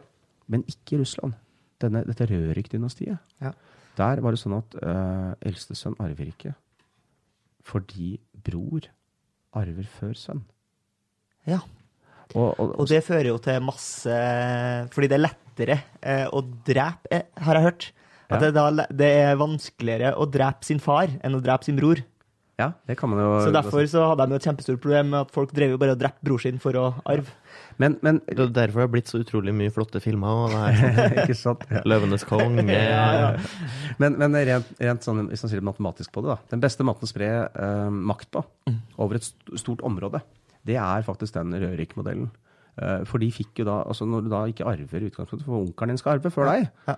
Eh, og han har jo barn også, så det er liksom mange som pretenders to the crown. altså Sånne, sånne som vil gjerne eh, overta. Mm. Så, så, føler jeg at du, greit, da tar jeg de ressursene jeg har, de mennene jeg har, så starter jeg mitt eget lite fyrstedømme her nede. Og sånn kom jo Kiev etter ja. Novgorod, og sånn kom Moskva. og Det var de som vant til slutt og ble de største og sterkeste. Men i Litauen og i østre del av Polen og, og et enormt svært område. Mm. Det er helt genialt for å vokse. Og de ble jo de mektigste på 1000-tallet, på 1100-tallet og eh, på 1200-tallet. Helt til mongolerne kom. Ja, ja, ja. Den gylne horde. For det er jo veldig genialt for å vokse. Men akkurat som risk Så blir du for spredt og ikke ja, sterk nok. Og da begynte disse uh, mongolerne og den gylne horde, som det ble kalt, ja. for å kjøre splitt og hersk og kjøre dem opp mot hverandre. Og det eneste som ikke ble erobret av mongolerne, var Novgorod, faktisk. Og, men der var det jo Ivan den grusomme som tok og uh, virkelig bekjempet Novgorod-delen av Rørik-slekten. Ivan Grusom var også Novgorod. Så den samme familien styrte Russland til år 1600. Fra 800-tallet. Det er helt sjukt. Det er bra streak, det. Ja, og nå er det en DNA-undersøkelse, fordi de har funnet da at antageligvis er det en haplogruppe som heter N Altså ikke den indoeuropeiske som alle tenker på, med RNA og RNB som det heter, i rett farslinje, men det er N eh, som du finner mye eh, Spesielt av denne delen av N finner du mye i Norge. Og der har du kanskje en link mellom de norske kongene, at Rørik faktisk ikke var svensk, men kom fra Norge. Og det er litt sånn pussig og morsom teori, men DNA kan fortelle oss dette her. Svaret vet vi om kanskje fem år eller før. Men um, når uh, det var et vulkanutbrudd i Peru i år 1600 som førte til at Rørik-familien mistet makten sin. Ok, Det høres ikke ut som ren kausalitet. Og Romanov-familien tok over. Romanov var de som styrte da Russland senere, med Katarina den store og disse. Eh, helt til den russiske revolusjonen, så å si. Men eh, det var fordi eh, denne hungersnøden som oppsto som følge av dette vulkanutbruddet, mm. rammet Russland spesielt hardt. To millioner av seks millioner døde. Ja, det er ganske brutalt. Ja. Pluss det er et kjempeproblem med slaveri og, og krig med ottomanerne eh, sørover. For der var det, det var sånt um, Rikene på Krim som drev og eh, Det var to millioner mennesker. Kidnappet de over en periode på 200 år, da. Men, mm. Eller 100 år, kanskje. Men det, i hvert fall helt til Katarina den store. Hvor de bare drev og kidnappa folk. Kidnappa landsbyer. Sla slaver. Sendte dem ned til ottomanerne. Det var et kjempeproblem. Så det er mange som snakker nå om dagen om slaveriproblemer som Europa hadde med Nord-Afrika. Mm. Eh, og det var mange. Veldig mange. Men, Men eh, ikke like mange? Ved, Svartehavet. Jo, kanskje ca. like mange, faktisk. Så, og det var ikke bare russere. Eh, men, men, men, poenget mitt er bare at de satt med makten utrolig lenge. Ja. Dette er en historie som ikke har blitt fortalt ordentlig. Nå gjør Vikings-TV-serien et forsøk på å fortelle denne Rørik-historien. Og det, det, er ikke så gærent. Det er jo kanskje mye ille om eh, Vikings og sånn faktualitet. Man kan si mye ille om Vikings, ja. Det er altså det, det, er ikke verdens beste serie, men noe har de jo truffet på. Ja, men det er nok en av de bedre seriene når man ser på popularitet. For ja. det er så i vinden med dette med vikinger. Og, har dere gutter har dere hørt på Greit Vardruna, for så vidt? De har lagt musikken til en del av Vikings. Okay. Han er Einar Selvik. Men har dere hørt Heilung? Nei. Nei, det tror jeg ikke. Det er dansk med en norsk sangerinne, Maria. Uh, men ja, makan og de treffer med musikken sin. Og de, de, det er ikke bare viking. Altså de, jo, de har jo en del bronsealder. Det har en sang, 'Krigsgalder'. Det Bare ordet 'galdre', ikke sant. Krigsgalder. Bare gå på YouTube og se animasjonen på dem. Der har jeg tatt helleristninger og gitt dem liv. Mm. Det er fantastisk bra, for det var sånn det var. Altså Grusom brutalitet. Uh, så bare gå på YouTube og se på Heilung og krigsgalder. Så, men musikken er fantastisk, og de har konserter rundt nå i Amerika akkurat nå, men, men har hatt i Europa i hele år. Og det er så populært. Og, det, altså det er et sug etter dette her med vikinger. Mm. Og, og, det har noe med at også ny forskning opplever det. Det som jeg jobber med. Jeg jobber nå på et prosjekt som handler om røttene til vikingene. Og det vi ser nå, er at dette klassesamfunnet bare for å ta det, siden vi snakket om det i stad. Ja. Noen på toppen som sitter og styrer. Mm. Det går ikke tilbake til Karl Marx det, eller til hva Max Meber han kalte det på 1500-tallet med å være en god lutheraner. Kombinere kristendom med det å tjene penger. Um, det går jo mye lenger tilbake. Mm. Så på vikingtiden så satt noen på toppen og styrte Feudal, eh, Ikke sant? Mm. Føydalisme het det da. Men det går jo lenger tilbake også. Det vi ser, er at de kongedømmene og det klansamfunnet mm. som vi vet veldig godt om på starten av vikingtiden, det går ikke bare noen hundre år tilbake. Det går jo mange hundre år tilbake. Altså, vi er inne i bronsealderen. Mm. Og det vi som ser om dere ser på krigsskalder. Det må dere gjøre etterpå, kan du love det? Ja, jeg skal, musikken. Ja, ja, virkelig. Altså. Men eh, jeg ser også um, du, du, sier at vikinga, Altså, vik, vikinghistorie er veldig interessant for veldig mange. Eh, og også eh, den norske komiserien Vikingene, Norsemen, var jo den mest populære på amerikansk Netflix-vending. Er det, siden du er sånn opptatt av både historie, men også har en slags teft for penger og eller sånn en forretningsteft, da. Har, har, du kombinert? Er det, er det, en, er det opportunisten Stula som kombinerer historisk interesse for ah, folk er også interessert i eh, viking? Ja, ja her, er, her, er vi litt inne på prøving og feiling også, da. For jeg har jo eh, jeg har faktisk en god del Et ganske bra nettverk. Ja. Jeg har en del investorer både i Norge og internasjonalt som, som, hjelper meg, og de ønsker helst å hjelpe meg litt i kulissene. Men de er veldig interessert i vikinger, de er interessert i ny forskning. De er interessert i uh, hvor viktig er historien i dag. Mm. Og um, det er klart, jeg har, jeg har, nok satset litt på feil hest opp igjennom også. Jeg har det.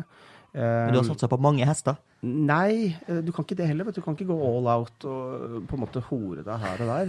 Du kan ikke det. Altså, det og, eh, altså denne uken har jeg vært på Explorers Club. Jeg kommer rett fra New York nå. Ja. Og, og introdusert en del av Rockefeller-familien for ja. presidenten og disse som styrer Explorers Club.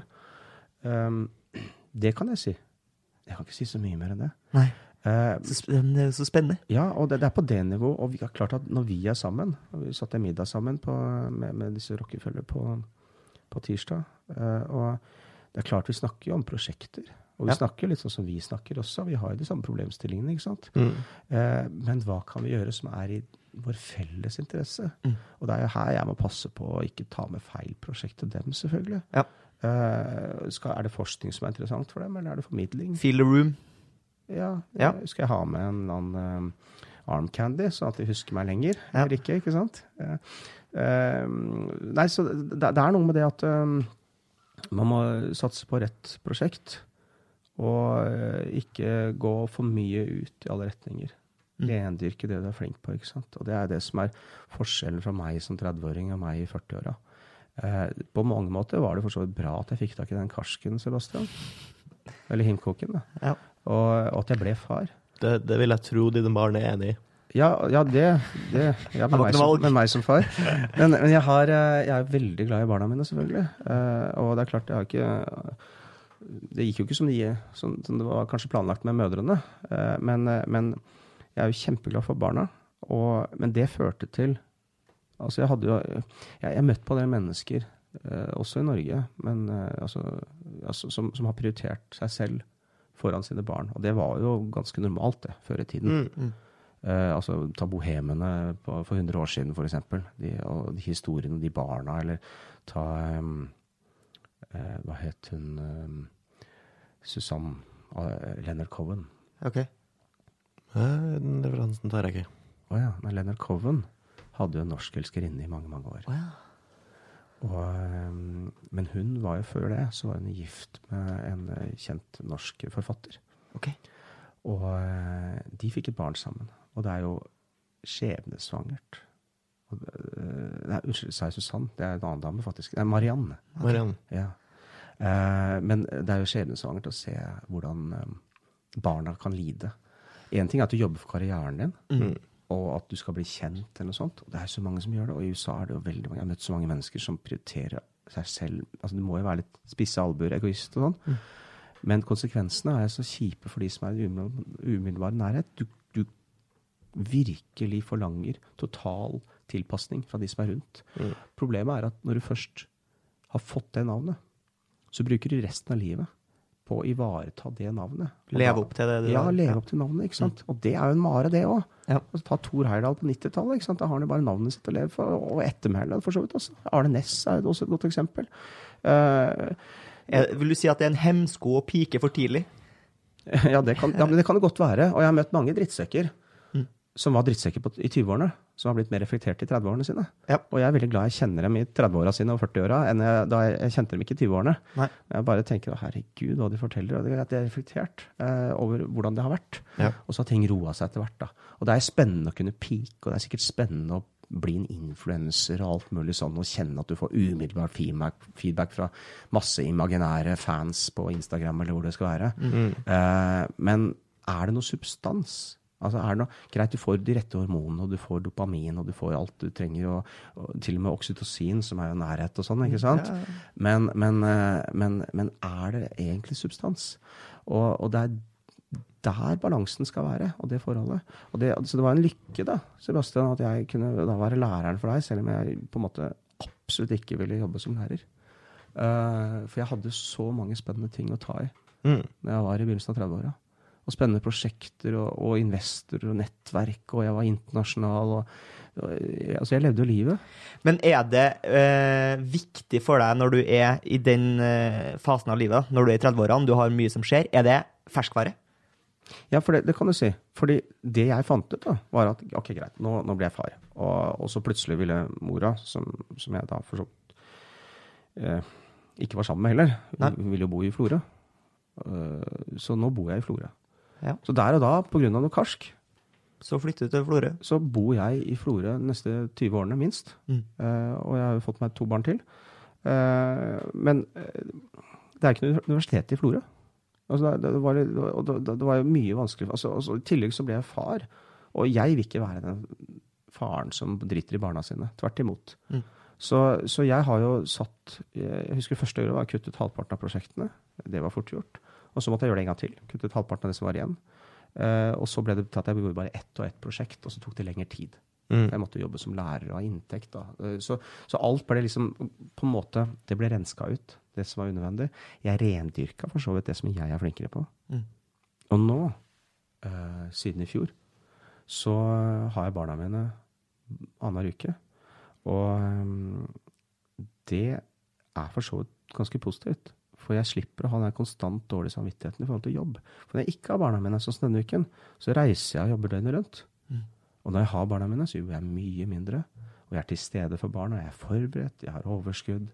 Og um, ikke at jeg skal anbefale alle å planlegge og, og få barn med noen de ikke skal være sammen med etter en kort stund.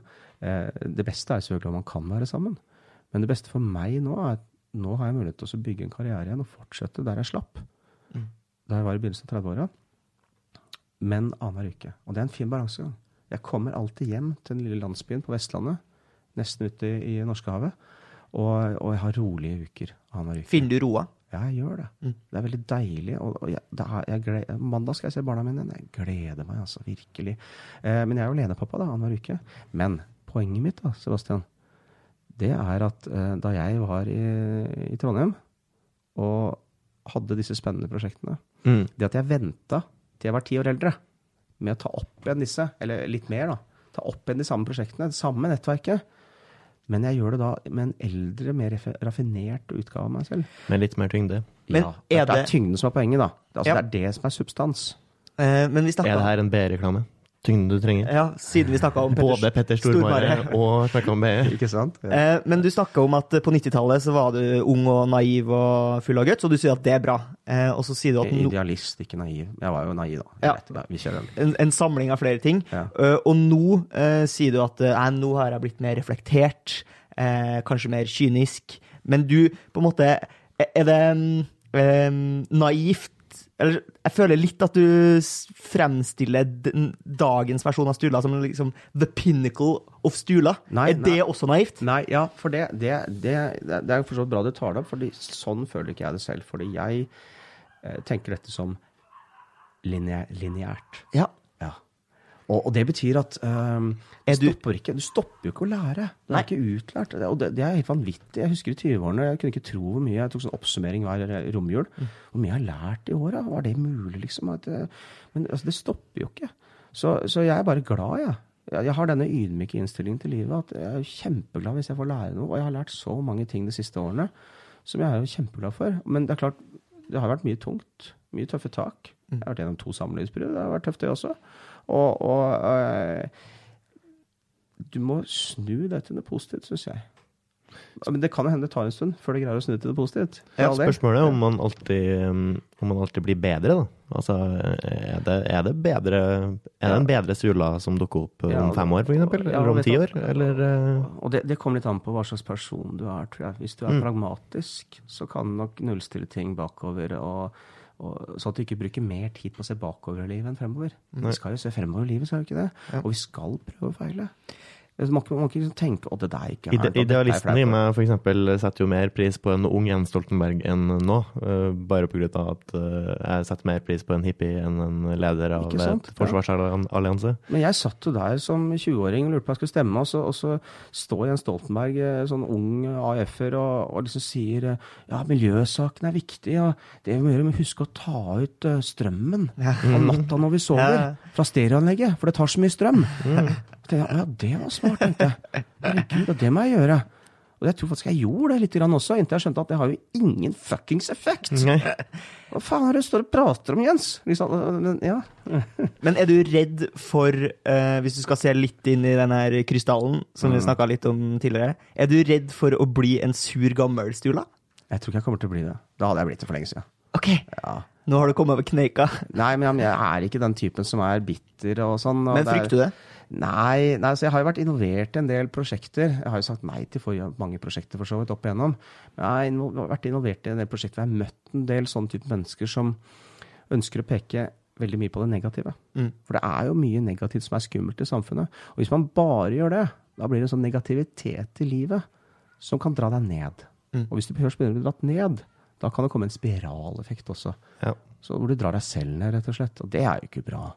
Og jeg er jo litt mer sånn Jeg er jo en glad laks. Jeg er jo det. Men det er klart, du må bli tøffere, og du må bli kynisk. Og du må bare innse at verden er litt skittig. Ja. Uten at du trenger å bli misantrop av den grunn. Mm. Den balansegangen der. Du må, du må, stryke verden med hårene. Ja, det kan du si. Det kan du si, uten å få lys. Verden går til helvete, men uh, det er lov å smile for det? Ja, hele veien til hele veien hele veien til banken. tusen, uh, tusen, takk for at du uh, stilte opp, uh, Ja, Kjempehyggelig å se dere og snakke med dere. Ja, det var veldig hyggelig. Ja, Utrolig lærerikt. Og så, eh, til dere som hører på, må dere prøve å få med dere det her vikingprogrammet til Stula, som kommer på Viaplay. Ja, det blir spennende. Har det et navn? April Jeg vet jeg faktisk ikke. Da. Det blir noe med viking. Men, Men det er 2020? Ja, ja, april. Hold, hold øynene ut for Petter Stormare. Han sier sikkert fra. Han sier sikkert fra. Var ikke det hyggelig? Jo, det gikk jo bra, det.